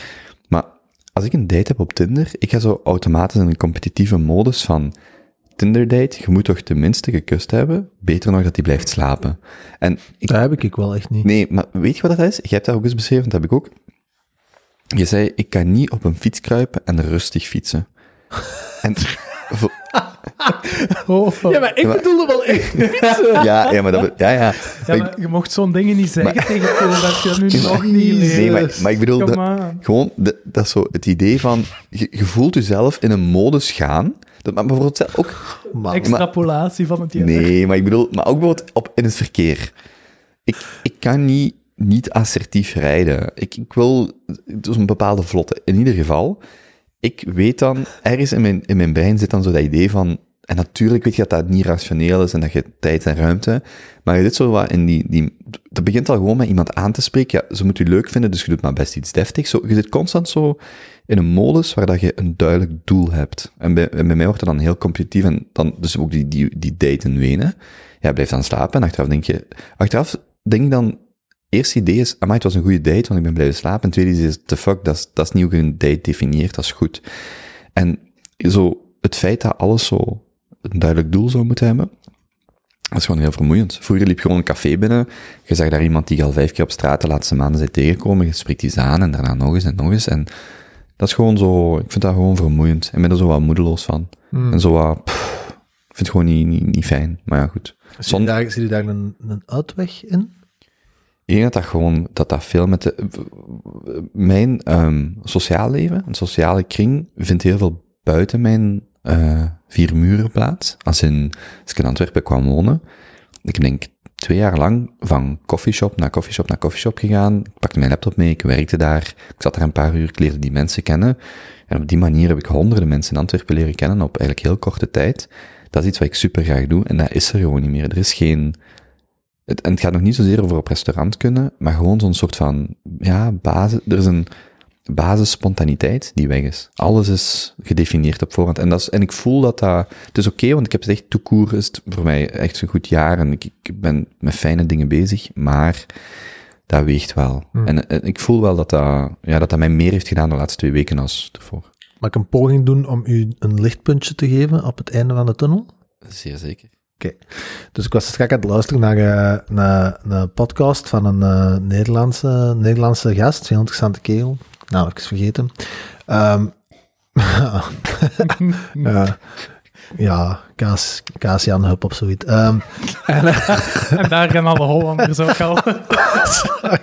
sorry, dat was flauwe map. en, oh. En ehm, die was aan het Dus vertellen... ik mag niet die outro laten horen, want dat is te straf. Maar hier. Kaas-Jan Hup. Oké. Oh, misschien moet dat geknipt worden. Nee, dat is goed. Oké, dat is een flauw mapje. Ehm, en, allee man, kom aan. Kijk, En die, die gast, die, ehm, die dat, dat eh, was het lichtpuntje. Oké, was toen maar. Nee, maar die was... eh die, die, eh, buiten had die, een- die kon heel interessant vertellen over China. Dus hij was al een keer of twintig in China geweest. Had ook al zaken gedaan in China enzovoort. Dus dat was wel heel, heel boeiend. Maar daarnaast ook heel veel in contact met een event- en horeca-sector in Nederland. En die omschreef het volgende. Ehm, eh, dat vond ik wel boeiend. Die, die zei, en hij was daar al nauwkeurig in geweest in het verleden, dus hij had in de tweede golf voorspeld. En had ook voorspeld dat we ehm, op eindbasis was dat, die podcast kennen wel. Ja, ja. En hij had ook blijkbaar ook in de vorige aflevering voorspeld van ja, rond februari beginnen we te vaccineren. Dus hij is echt zo goed op de hoogte van al die dingen. Wegens professionele activiteiten. Dus zei van ja, kijk, eh, ongeveer augustus, september zal er waarschijnlijk nog eens een klein derde golfje komen. Iedereen is gevaccineerd. We denken, oké, het is gepasseerd. Dan gaat dat niet, hè, dan gaat er nog eens een klein golfje komen. Maar we weten nu, zei hij, hè, van mijn, de horecasector, dat rond vanaf mei, juni, de restaurants terug gaan opengaan. En eh, eh, al die grote partijen zijn nu bezig met echt ehm dat helemaal, helemaal te gaan voor te bereiden. Want er zijn wat is er gebeurd in de markt? Die grote partijen zijn de... de grote, ja, echt zo, de Sergio Hermans van Nederland Ja. en zo, zo echt de, de betere zaken. Ehm, Maar dus kleine zaken, maar grote namen. Zo, dat, ja, zo Het, het, het betere, het betere van een horecawereld. Mhm. Want zie maar is er gebeurd het laatste jaar? Alle niet-kwaliteit is uit de markt. Dus er is een gigantische krimp van het aanbod, zowel op events als horeca, als clubs, als noem maar op. Maar wat gaat er gebeuren? Die, die, eh, die vraag, als het terug mag, gaat enorm zijn. Enorm zijn. Dus er gaat een compleet, ehm, ja, te- gigantisch te- tekort aan aanbod zijn. eh, voor de vraag die dat er gaat zijn. En al die online boekingssystemen, die worden gewoon, hè, gelijk als nu met de kappers, eh, die, worden, die, die boekingssystemen die blijven gewoon. Heel, hè, alle fysieke retail is ook online gekomen. Dus dat gaat aangekondigd worden. Die online boekings gaan online komen en je gaat twee, drie maanden op voorhand je restaurant moeten gaan boeken. Eh prijzen gaan met 20% stijgen, maar zie je, het gaat, er er gaat zo wel echt een, een beetje een jaren 20 vibe van Hmm. Oh ja, er gaan gewoon ook super veel originele nieuwe events, eh, nieuwe concepten die daar gaan getest worden. Want ja, de, de drang, de vraag vanuit de markt gaat gewoon gigantisch zijn. Hè? Iedereen gaat wel iets gaan doen in het weekend. Hè? Iedereen. Hè? En de, de aanbod is met 20, 30 procent. Dus mijn lichtpuntje kopen naar u is dan, geniet er nog van. Leg in het weekend, leg op een bedje, lees die boeken dat je wilt lezen, ga nog wat sporten. Hmm. En zie dat je in shape bent, want tegen dat het goed en wel zomer is, dan gaat het verder mogen gaan batsen. Hè? Gaan bad. Ja, zo zei je. In Nederland is dat batsen is hard gaan blijven. Ja, ik denk, ik, het heeft ook sowieso met de winter te maken. Het feit dat je nu niet met een drankje aan de Schelde kunt gaan zitten in de warme sneeuw. Maar, mm, nee, ja, alleen sowieso. Mhm. Jongen, ik kijk daar echt naar uit. Ja, ik vond hoe dat die naam schreef was ook heel smakelijk zo op zijn Nederlands. Dat is zalig, maar ik, dat klinkt wel extreem plausibel. Als ze, de, allee, als ze dat weer gaan openzetten, ik heb een week ook mijn afspraak gemaakt bij de kapper. Ik kan 3 maart gaan. Ik bedoel, dat gaat juist hetzelfde zijn bij cafés, horeca's, clubs, noem maar op. Hè. Iedereen gaat daar willen zijn. Hè. Wat ik, wat ik wel zo anekdotes bij een paar mensen rondom mij heb gemerkt, is ehm 2020 jaar van vertragen, versnellen, itereren, eh uw werk toch proberen verder te zetten. 2020 is het jaar van echt heel substantieel u afvragen, is dit wat ik echt wil doen? En ik heb dat echt van drie mensen persoonlijk gehoord. En vandaag ook, of gisteren de Standaard ergens in een krant gelezen, of het was een podcast van, van de Standaard, deze week waar een wielrenster zich eigenlijk dezelfde vraag stelde van waarom is dit eigenlijk wat ik echt wil doen, prof?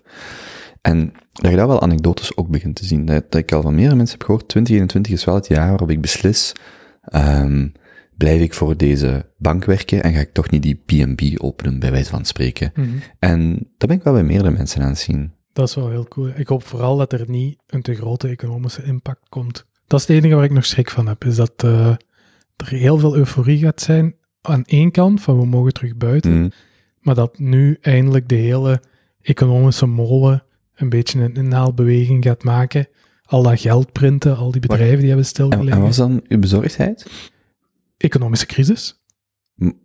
Maar hoezo als consumptie de komende zes maanden. Ja, maar er zijn nu enorm veel maatregelen geweest. Er is heel veel geld gepompt in de economie. Bedoel, Dat dat geld- dat stopt als die backlash ervan komt. Ja, of als de economie terug in gang komt. De economie ligt stil, maar er wordt geld in gepompt. En Ja. dat zit vooral vast bij bedrijven. En dat moet nu allemaal wat naar onder komen. Mhm. Dus dan kan er inflatie komen. Heel Hm. simpel uitgelegd, dus dat je geld veel minder waard komt. Ik weet het allemaal niet, hè. ik heb er iets over gelezen, maar ook geen dagen aan gespendeerd. Maar er zit gewoon, wat is het nu, ik weet niet, de helft van de US dollars is in de afgelopen vier maanden 30, geprint. 30 procent. 30 De procent. laatste tien maanden.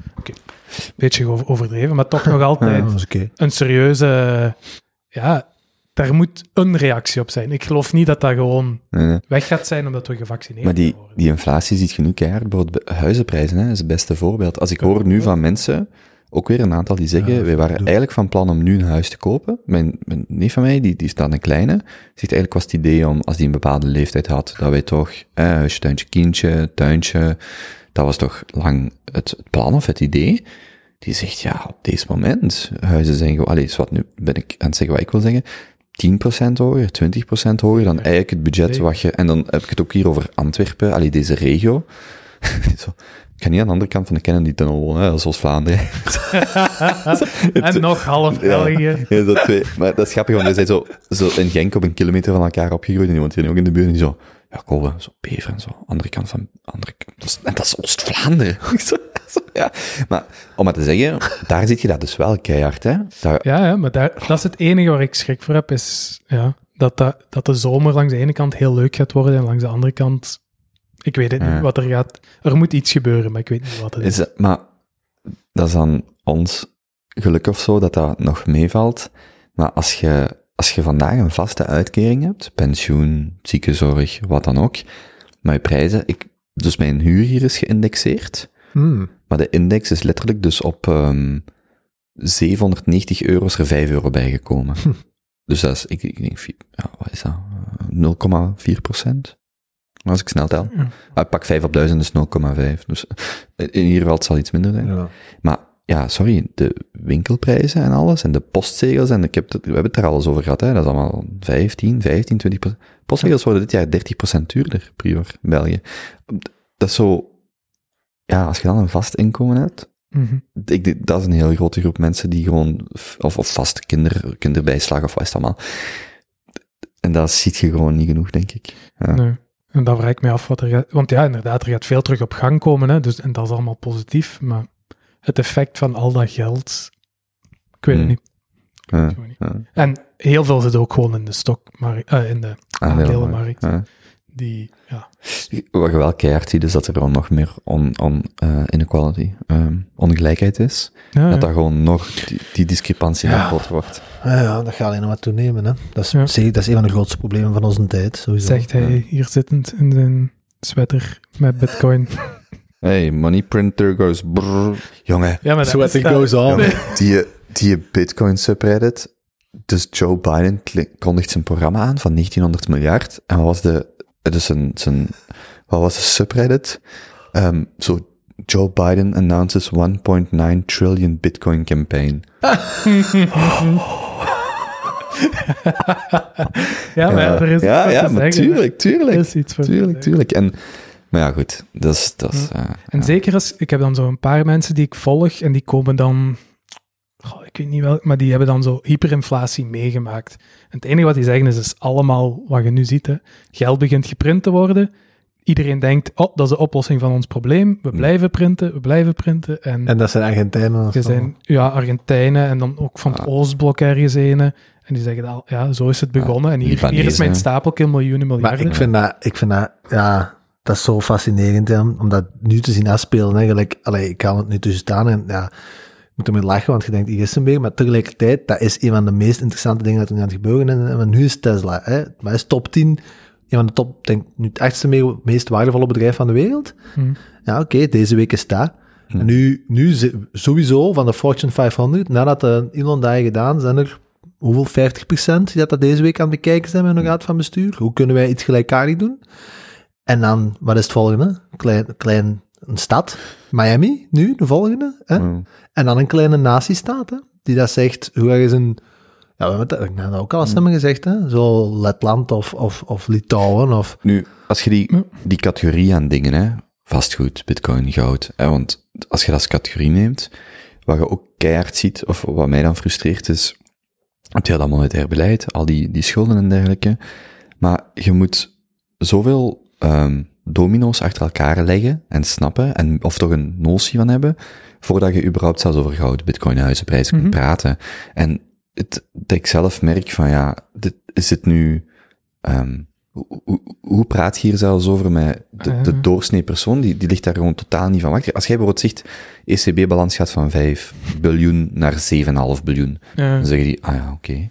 Ja, maar dat dan moet daar een bepaald persoon voor zijn ook. Hè. Eh, en, daarmee be- en de goede vrienden hebben, de goede kringen, Ja. de juiste... op- En Ja. no, no offense, maar Jozef was ook iets minder mee, denk ik, in de Ja, kerstspecial.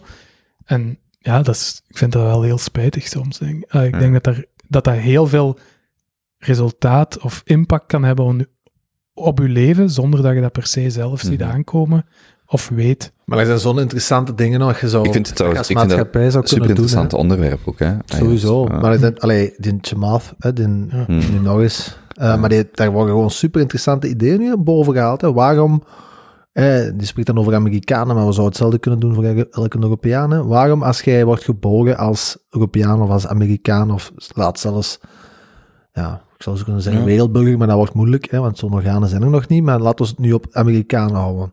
Jij wordt geboren. Waarom steekt de Amerikaanse overheid niet 2000 euro voor elk Amerikaans persoon dat wordt geboren in een potje? Dat wordt gelokt tot je 65ste. En die 2000 is gewoon een ETF van een S&P 500. De achter, Ja. ja. wat belangrijk was, de, achterliggende gedachte, want dat, dat is wel belangrijk om mee te geven, is dat we hebben veel te veel mensen die eh, in het paradigma leven van eh, inkomen, loon, eh, consumptie, maar niet in het paradigma van eigenaar. En dat was Ja. eigenlijk heel zijn punt. Ja. Eens dat je beseft dat je niet de kip met het gouden ei, maar de vruchten ervan kunt plukken door bijvoorbeeld een ETF die groeit waar je een rendement of een dividend uithaalt, Misschien moet ook nog eens uitleggen wat een ETF is. Ah, een, dat is een, een fonds waar je gemakkelijk kunt verhandelen op de, op de beurs, maar je hebt die fondsen in alle kleuren en maten. En o- om het naar de 100k virtuele portfolio, dus die wij met ons drie gemaakt hebben, Jonas heeft Dat is daar... te complex. Ah, sorry. ETF is gewoon een groep Ja. van aandelen, waardoor dat je eigenlijk Ja. het gemiddelde van iets koopt. Ja. Dus je hebt een ETF van de S&P, je hebt een ETF van... Ja, van, van, van emerging markets, van Europa, van, van, van wat dan ook, grote bedrijven, kleine bedrijven, die Jonas Boot heeft, is een, is een wereld-ETF. Maar het, het ging erom dat je mensen aan de mindset moet krijgen van eigenaar, of van eigendom en bezit, en weg van puur ehm eh, inkomensafhankelijke rijkdom. Want daar, daar is het grote probleem. Hè. Iedereen die daar gewoon die maandelijkse check leeft en daar ook effectief naar leeft, dus zelfs niet eens spaart met die, ma- die gaan, te, ja, die worden dupe van, van heel hetgeen dat er aan het gebeuren is. Hè. Al diegenen die daar in de asset zitten, Het is zelfs erger dan dat. Ook degenen die sparen worden de dupe Mhm. van inflatie. voilà. Mhm, Dus mhm. je moet er al ja, echt veel van kennen en ze maken het bewust moeilijk en complex en saai en je moet lezen. En er zijn veel laagjes aan en veel nuance. Ik was naar Shamath aan het luisteren en achteraf dacht ik ook nog, dat is eigenlijk, ik heb jarenlang, als het over pensioensparen ging, was zo mijn punt, doe het zelf, die 30% belastingvoordeel, je gaat zelf een hoger rendement halen, alles, all things considered. Maar eigenlijk, vandaag om die technische discussie te voeren, eigenlijk is er nog een veel belangrijker metapunt. Ik was deze week aan het berekenen, dus we hebben, je kunt 1000 euro per jaar pensioen sparen, fiscaal voordelig in België. Mediaaninkomen is 1700 euro netto, laat ons zeggen 20.000 euro per jaar basis. Dat is het mediaan en ook het gemiddelde is 1700 euro netto. Min of meer. Ja. Ja, mediaan is 1700 euro, ben ik zeker. Of, eh, zwart, in die range, pak 20.000 euro per jaar basis. 1000 euro, dat is 5%. Als je eender welke generatie voor ons, en zeker voor onze, sorry, zeker voor onze ouders, had gezegd dat wij 5% sparen, die zeiden, hoe kun je dan ooit gaan rentenieren of op pensioen gaan? Als je in die literatuur duikt, 10, 20, 30, 40 procent sparen was niet, was niet unheard of bij vorige generaties. En zelfs het, het, het idee van uitleggen wat inkomen is, verhouding inkomen, sparen, en wat je dan met dat sparen doet, beleggen, investeren, zelfs dat is bijna geen discussie. Ik, ik zie bijna niemand daar discussie over voeren van, heb je al nagedacht over hoeveel van je inkomen gespaard, wat je daarmee doet? En ja, en dat is eigenlijk mijn metapunt. Bijvoorbeeld in de, in de VS en, en in de UK heb je andere systemen. Ik zou dat dan bijvoorbeeld willen zien. Als iemand bijvoorbeeld zegt, ehm, van mijn 20.000 euro wil ik 30% sparen, pak 7.000 euro. Waarom kun je dat niet belastingvrij doen of fiscaal geoptimaliseerd? Wij zeggen mensen, je mocht, je mocht een pensioen bouwen, 1000 euro, maar 1000 euro, dan gaan mensen ervan uit dat ze daarmee toekomen. En vandaag heb je na een carrière 50.000 euro, 100.000 euro in je pensioenspaarpot. Maar no way dat dat genoeg is om van, om van een pensioen te gaan, terwijl, dan ook nog de levenskosten stijgen. Maar ja, het grote verschil is ook wel dat we nu in een zorgstaat leven. Hè? Dus dat pensioen dat jij bespaart via zo, dat soort van zaken is aanvullend op het pensioen dat je eigenlijk al hebt afgestaan Mhm. door geen je volledige loopbaan dat je van de overheid krijgt. Maar waarom, als ik bijvoorbeeld zelf, Die 20, 30 procent dat je van sprak was volgens Ja. mij voordat de zorgstaat er was. Wa- eh, wacht, welke 20? Ja, ja. Dat is waar. Belasting is gigantisch verhoogd. Hè? Ik weet, maar, maar je begrijpt mijn punt, dat, er, dat daar zelfs niet meer, dat je door een bepaald beleid te voeren, mensen een soort van illusie en hè, voorhoudt dat dat allemaal genoeg is. Dat, geloof jij nog dat wij kunnen rentenieren, of sorry, op pensioen gaan, gelijk dat Ah. onze grootouders dat deden? Ja, nu openen we ook iets. Ik Ja. denk dat dat een compleet idioot is. Toen dat nu... Ik zal, ja. wacht, om mijn punt af te maken, ik zou hopen dat we zo snel mogelijk, en de belastingtechnische implicaties kunnen berekend worden, maar bijvoorbeeld tot 5000 euro, 10.000 euro belastings geoptimaliseerd kunnen sparen, dat zelfs bedrijven een bruto bonus daarop kunnen geven, en dat je zelf mensen vrijheid geeft, steek in een ETF dat je wilt, of een, een aantal voorgekozen ETF's, en laat vooral mensen dat zelf doen. Ja, maar het ding is wel dat je dat niet mocht verwarren met bijvoorbeeld een Belgische markt of een Amerikaanse markt. Want in Hm. België zitten we al met een gigantisch spaargegeven. Hè? Wat is het? Mhm. 250 miljard of zoiets staan nu op de Maar dat Belgische is aan het verdampen. Nee, dat komt bij. Met corona Ja, ja, is maar het de, de koopkracht is aan het verdampen. ja, ja, ja, Inflatie wel. 10, 15 procent, dat is, ver- Ja, ja, dat verdampt. Ja, ja. En dat is mijn punt. Er zijn mensen, gelijk mijn ouders. Ik wil Die niet, hebben daar gewoon op de bank staan. Dat bedoel ik. Hè. ja, maar die, maar die pensioenspaarpotten ook, hè. Die een rente, weet je hoeveel mensen dat er van die pensioenspaarpotten hebben, die in obligaties belegd zijn, eh, defensief voornamelijk, die brengen 2, 3, 4 procent op. Het zal nog veel zijn. Ja, maar als uw inflatie 10, 15 procent is. Ja, ja. Of laatst ben ik met iemand aan het babbelen, die zegt, ik kom van de bank, die doet mijn portfolio, 60 procent obligaties, 40 procent aandelen, hè, want ik ben bijna 60.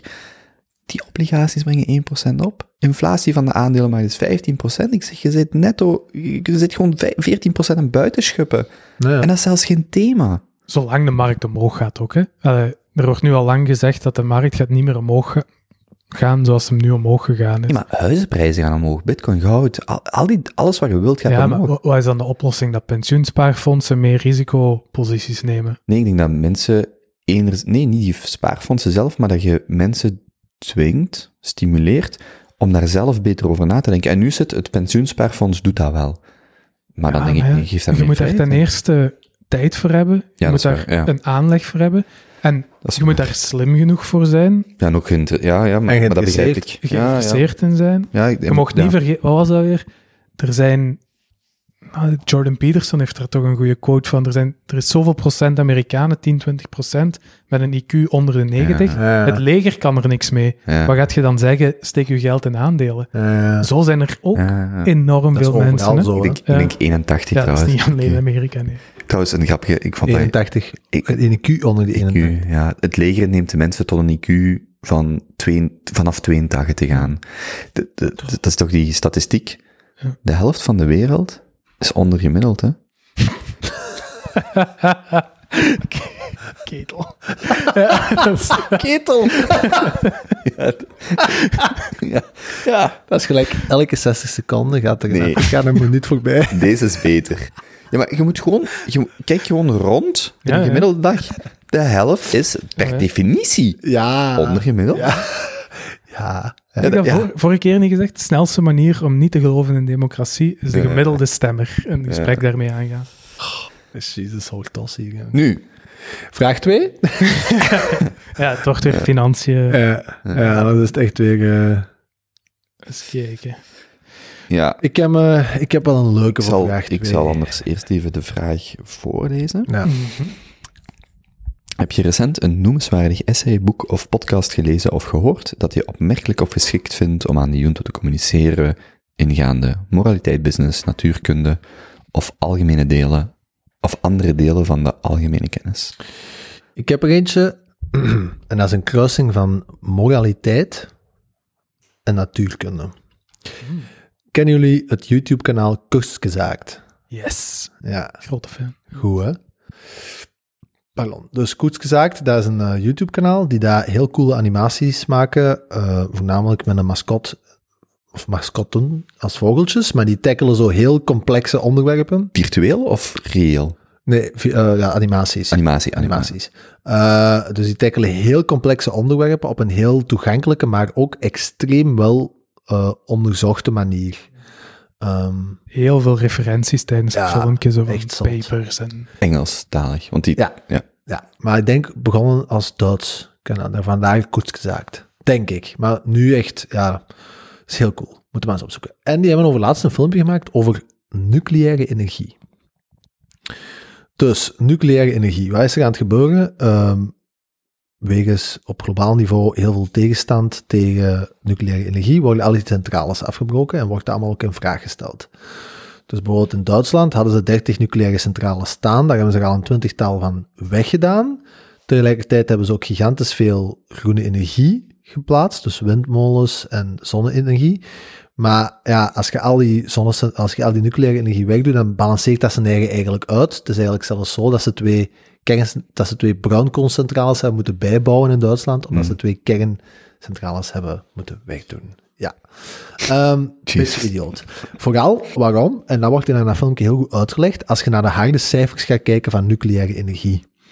Ehm, er zijn verschillende standpunten waaruit dat je dat kunt bekijken, maar als je gewoon gaat kijken naar de, de negatieve gezondheidsimpact van nucleaire energie. Er hangt een perceptie, hè, die heeft eigenlijk gewoon heel slechte PR, nucleaire energie, want het idee is, dat is super gevaarlijk, daar zijn al veel mensen van door te gaan, en als daar iets mee gebeurt, eh, zijn de gevolgen ook catastrofaal. Dus het meest gekende eh, nucleaire eh, probleem, of mm, dat er was misgegaan, is Chernobyl. Hè? Dan zeker ook, dat is dan nog eens bekend geworden met die serie over laatst. Hoeveel mensen denken, Gelle, dat er door Chernobyl direct en dan indirect in totaal gestorven zijn volgens de meest accurate inschattingen? Dus de dag op de ontploffing zelf, hoeveel mensen zijn er gestorven met de ontploffing zelf en hoeveel zijn er daarna doorheen de eeuwen, oh, de eeuwen niet, de decennia nog gestorven aan die bestraling? Hm. Doe eens nog ook. Ja, ik zou zeggen de dag zelf. Als het. Ja, als je. Ja, wacht, ik zou, ja, ga maar eerst. Ehm, Ja, ik heb dat filmpje niet specifiek gezien, maar ik denk wel iets gerelateerd. Ik weet niet hoeveel. Ik zou- zou, ik zou eerder zeggen 100 ja, vallen. vijf, ik zou 50 zeggen de dag zelf. Oeh, dat is wel... In die, ja, maar dat zijn de mensen die zitten, hè? De, de brandweermannen en zo is dan de tweede categorie. Dat was ik dat zeggen. En dan, ja, ja, dan tweede categorie. 50.000. 50.000. 50, 50.000. Ah, ik denk een aantal honderd in het algemeen. 100.000. Totaal. Nee, honderden. Honderden, ja. Honderden. Dus een dag zelf zijn ook er ook acht, acht gestorven met Ja. een ontploffing. En de meest accurate inschatting is dat er 4000 in totaal gestorven zijn door die straling. Niks, hè. Ah, Niks. Niet Want, ja, nu, ja, ja maar daar wacht. gaat heel chat. Wacht, wacht.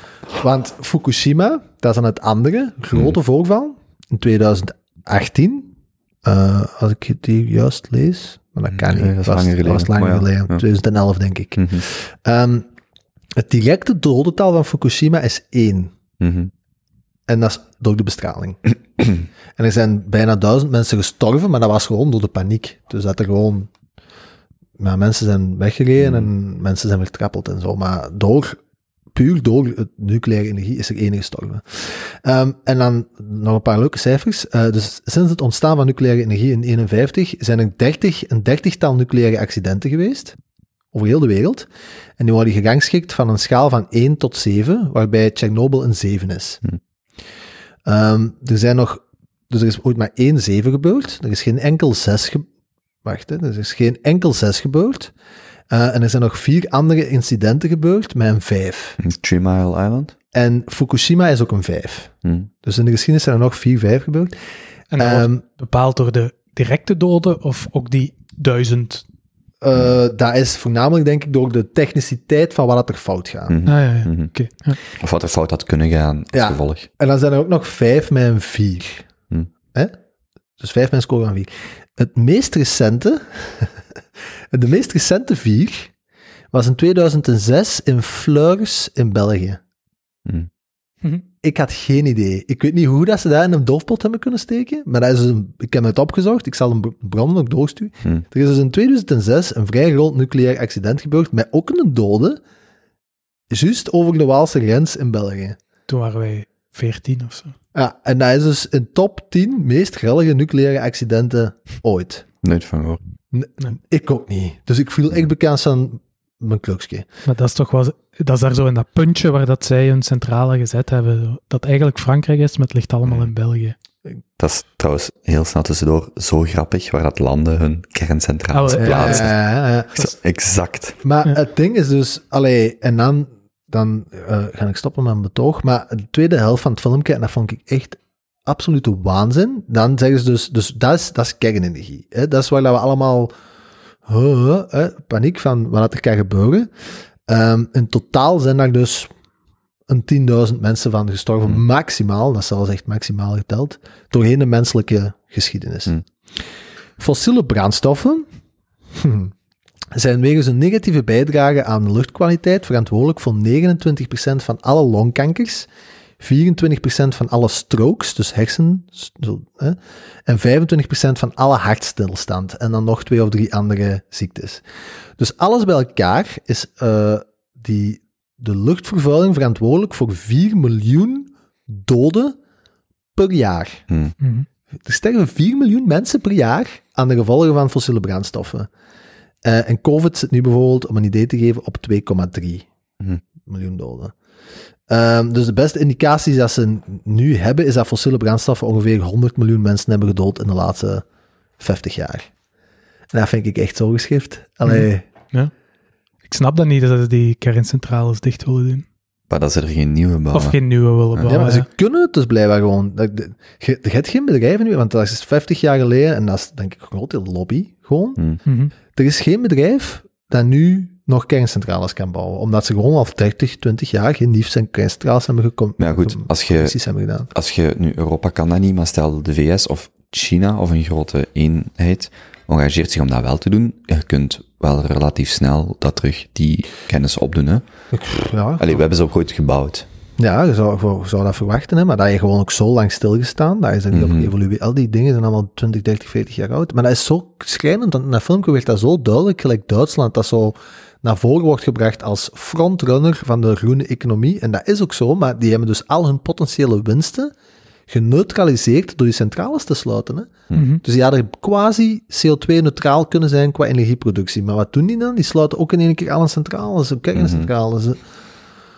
Ja, Ik ik, denk dat, ik vind dat heel ik bizar. denk dat heel, heel dat thema vooral een politiek thema is geworden. Allee, v- v- 100% een politiek thema is geworden en je kunt daar zelfs niet meer over... eh, Ja, ik, vond dat, ik zag dat filmpje en oké, het is puur gebaseerd op dat film. Wat weet ik er van? Dan moeten we de Simon nog eens Mhm. voor daar volgens mij een mega genuanceerd gesprek Mhm. over te voegen. mhm. Een bevriende kernfysicus.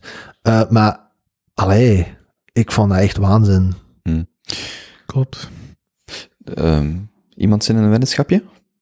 Altijd. November 2021 moet de regering de knoop doorhakken of de kernuitstap er definitief komt, of we naar een plan B gaan.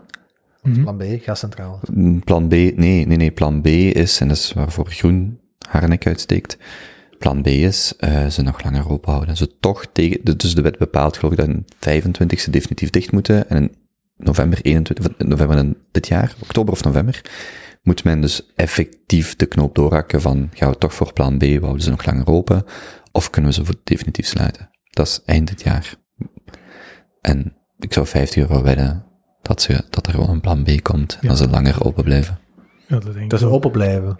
Mhm. Ja, dat we niet plan A volledige kernuitstap in 2025 doen. Nee, denk ik ook niet. Ja, ik denk dat dat... Maar wat, wat weet ik, ik weet daar te weinig van. Maar wil je 50 euro wedden? Het gaat zelfs niet om wat. Het gaat er gewoon om de Belgische overheid probeert iets te doen. Denk je dat het gaat lukken?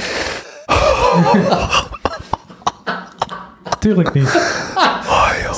Ongezien hoog. Die ratio qua gebruikte woorden en mensen zijn tegen is echt... Daar heb ik toch niemand, niemand specifiek. Oh nee. Oh, nee, nee. Lekker Vier-. Vier ministers van energie in dit land. Tenminste, die al. Kunnen er ook nog wel bij.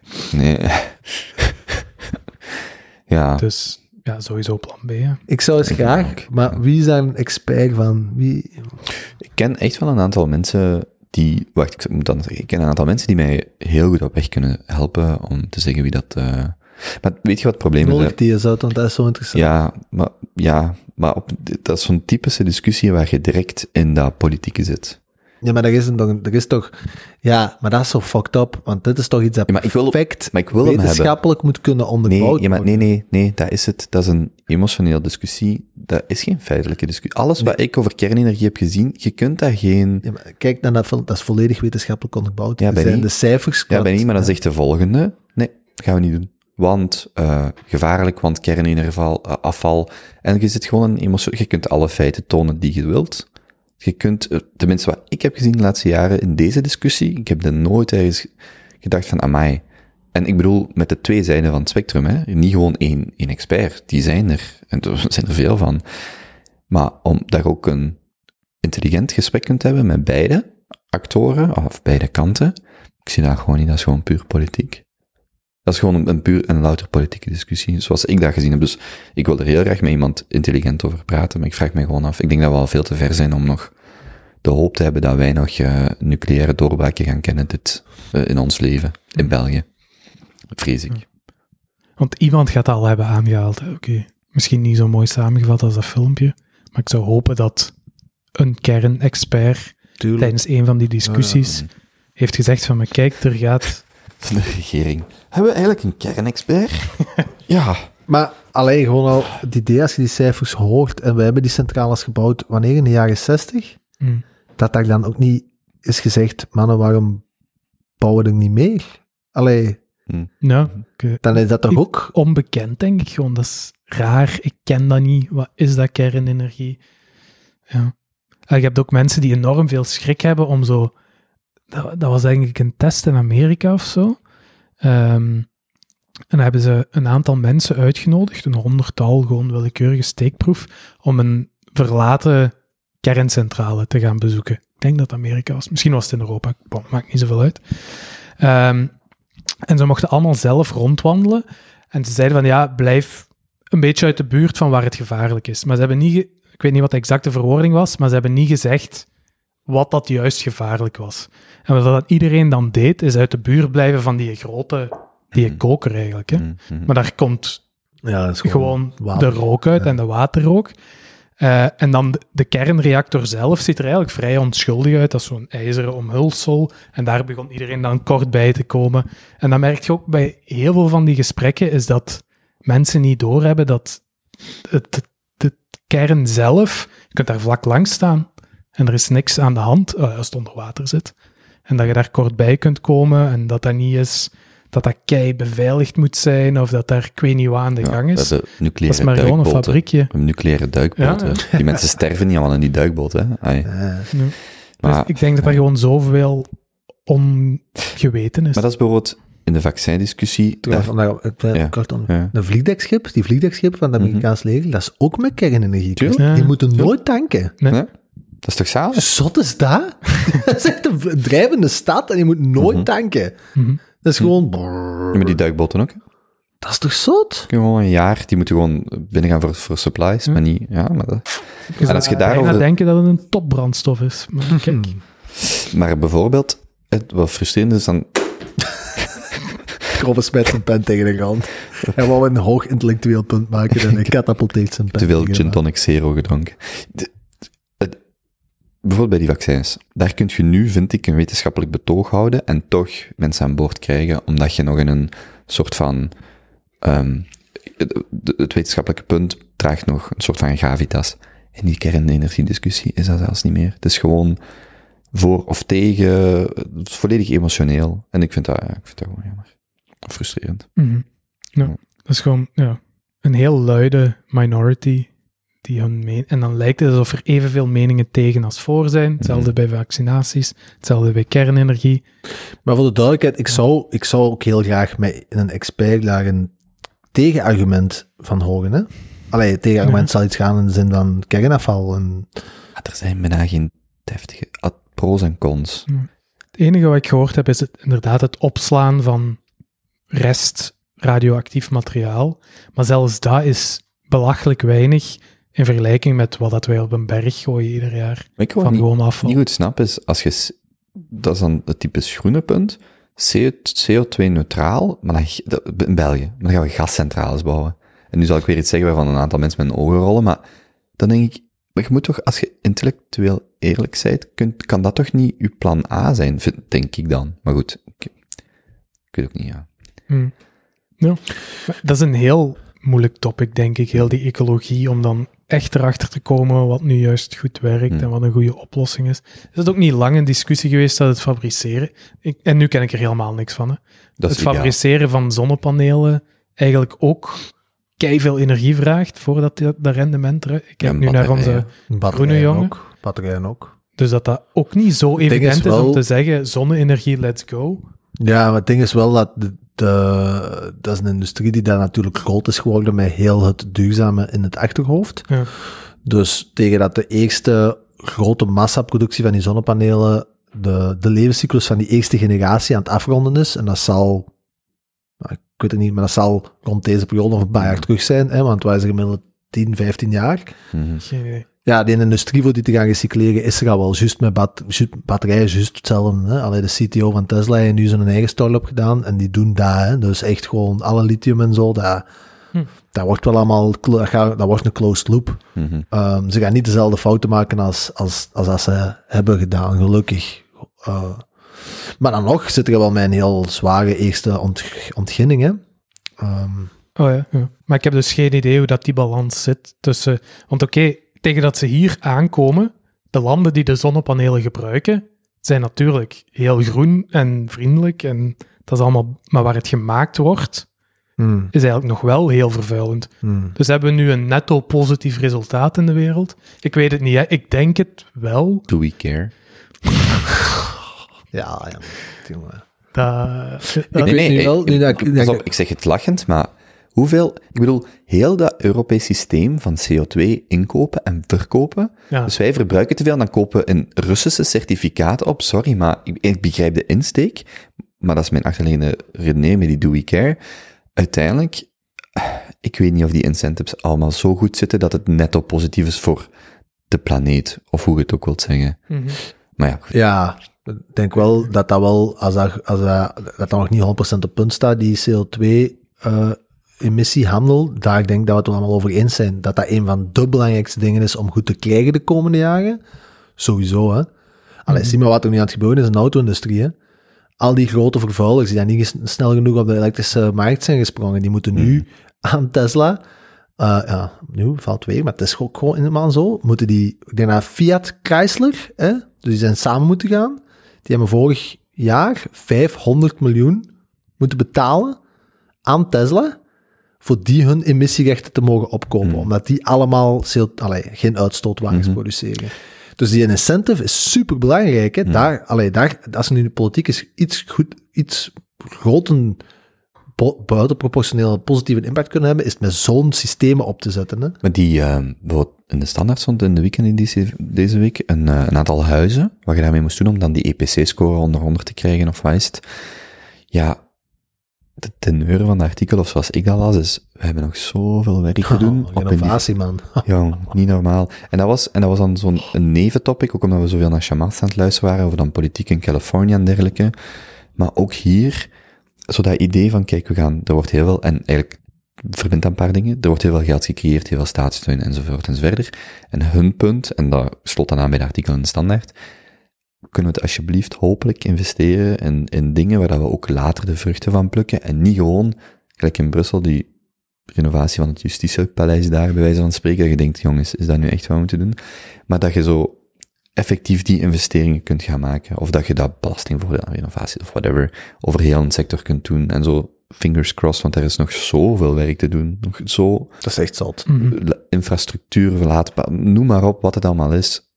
Maar Boeiend, renovatie specifiek. Ja, maar tuurlijk, dat zijn zo grote problemen. Daar kun je, maar dat, dat begrijp ik wel. En wat zegt, ik zit in een sector waar ik een verschil kan maken. Jongen, dat is toch zalig? Dat Mhm. je weet dat je effectief iets doet wat zo groot is, en je kunt het nooit alleen oplossen, maar je draagt je steentje bij. Om daar Ja. iets in te veranderen, dat is super waardevol. Sorry. En om daarop verder te gaan met mijn antwoord op de tweede vraag dan. Ik denk, eh, een, een groot probleem met al die groene dingen is ook dat je, eh, dat er vaak, wat, sorry, zeg maar.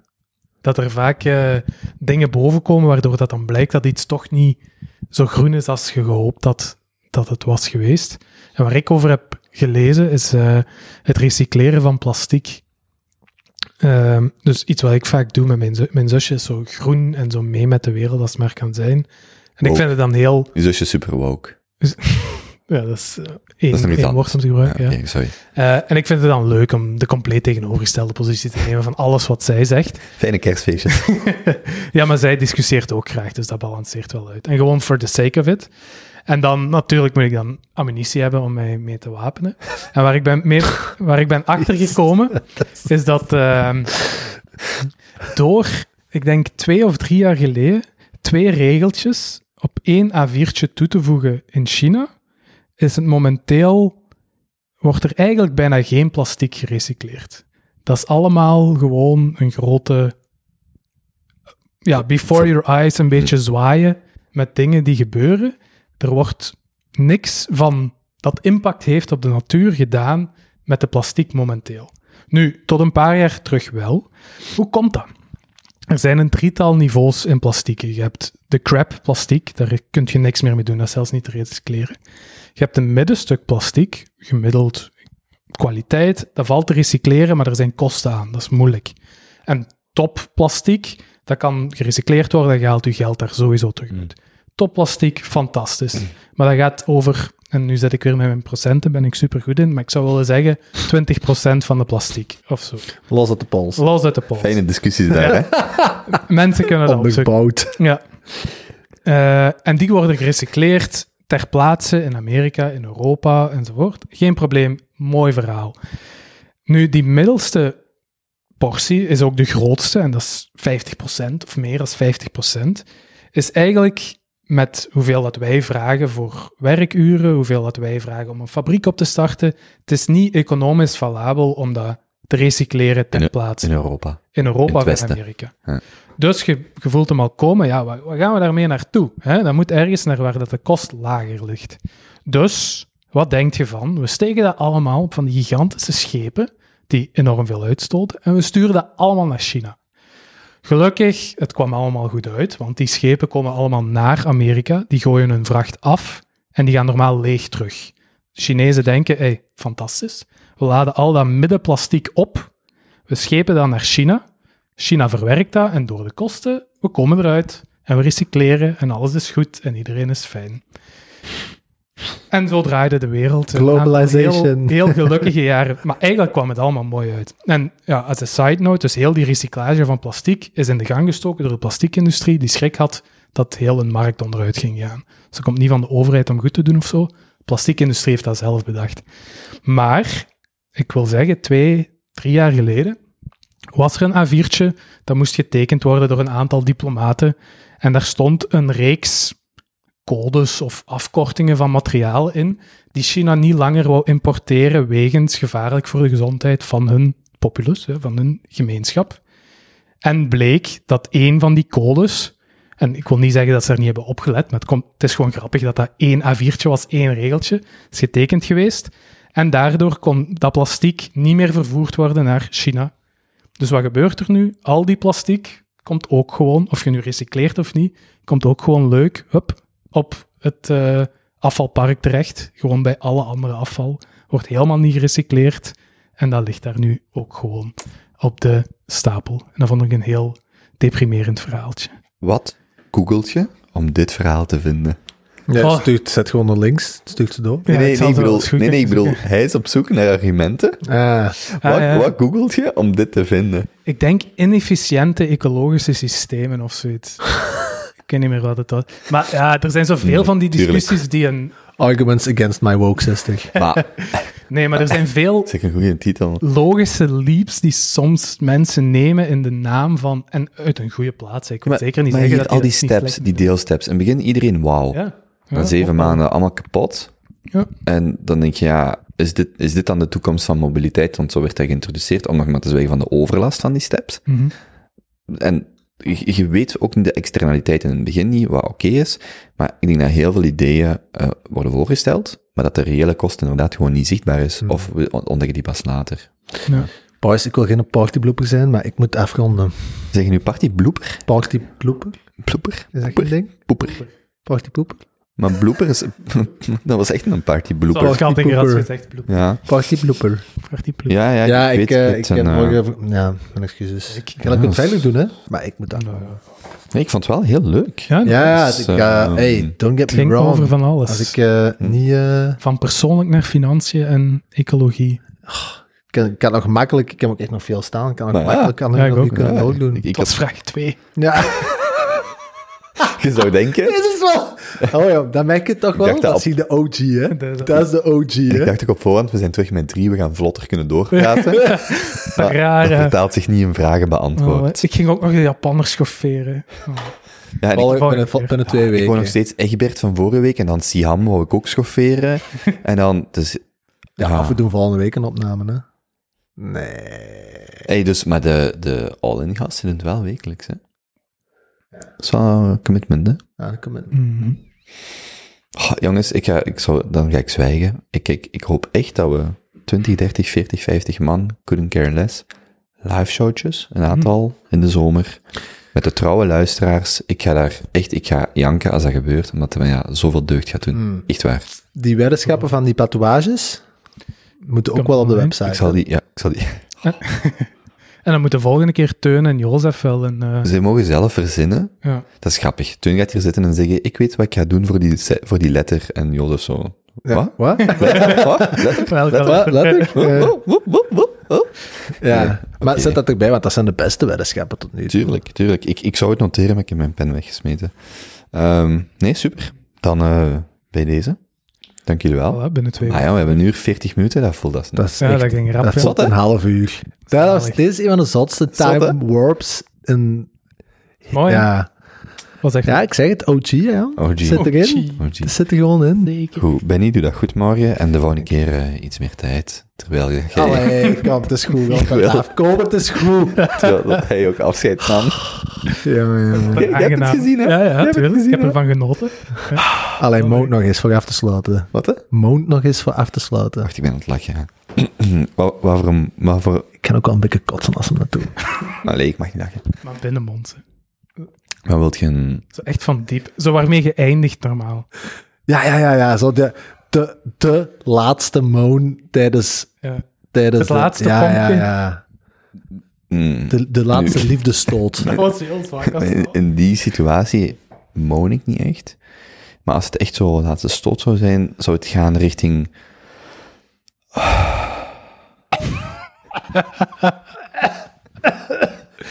Het voelt alsof we erbij waren gekomen. Dank Oh. u hiervoor. Fucking hell. Kan ik ook nog eentje van jullie krijgen? Nee.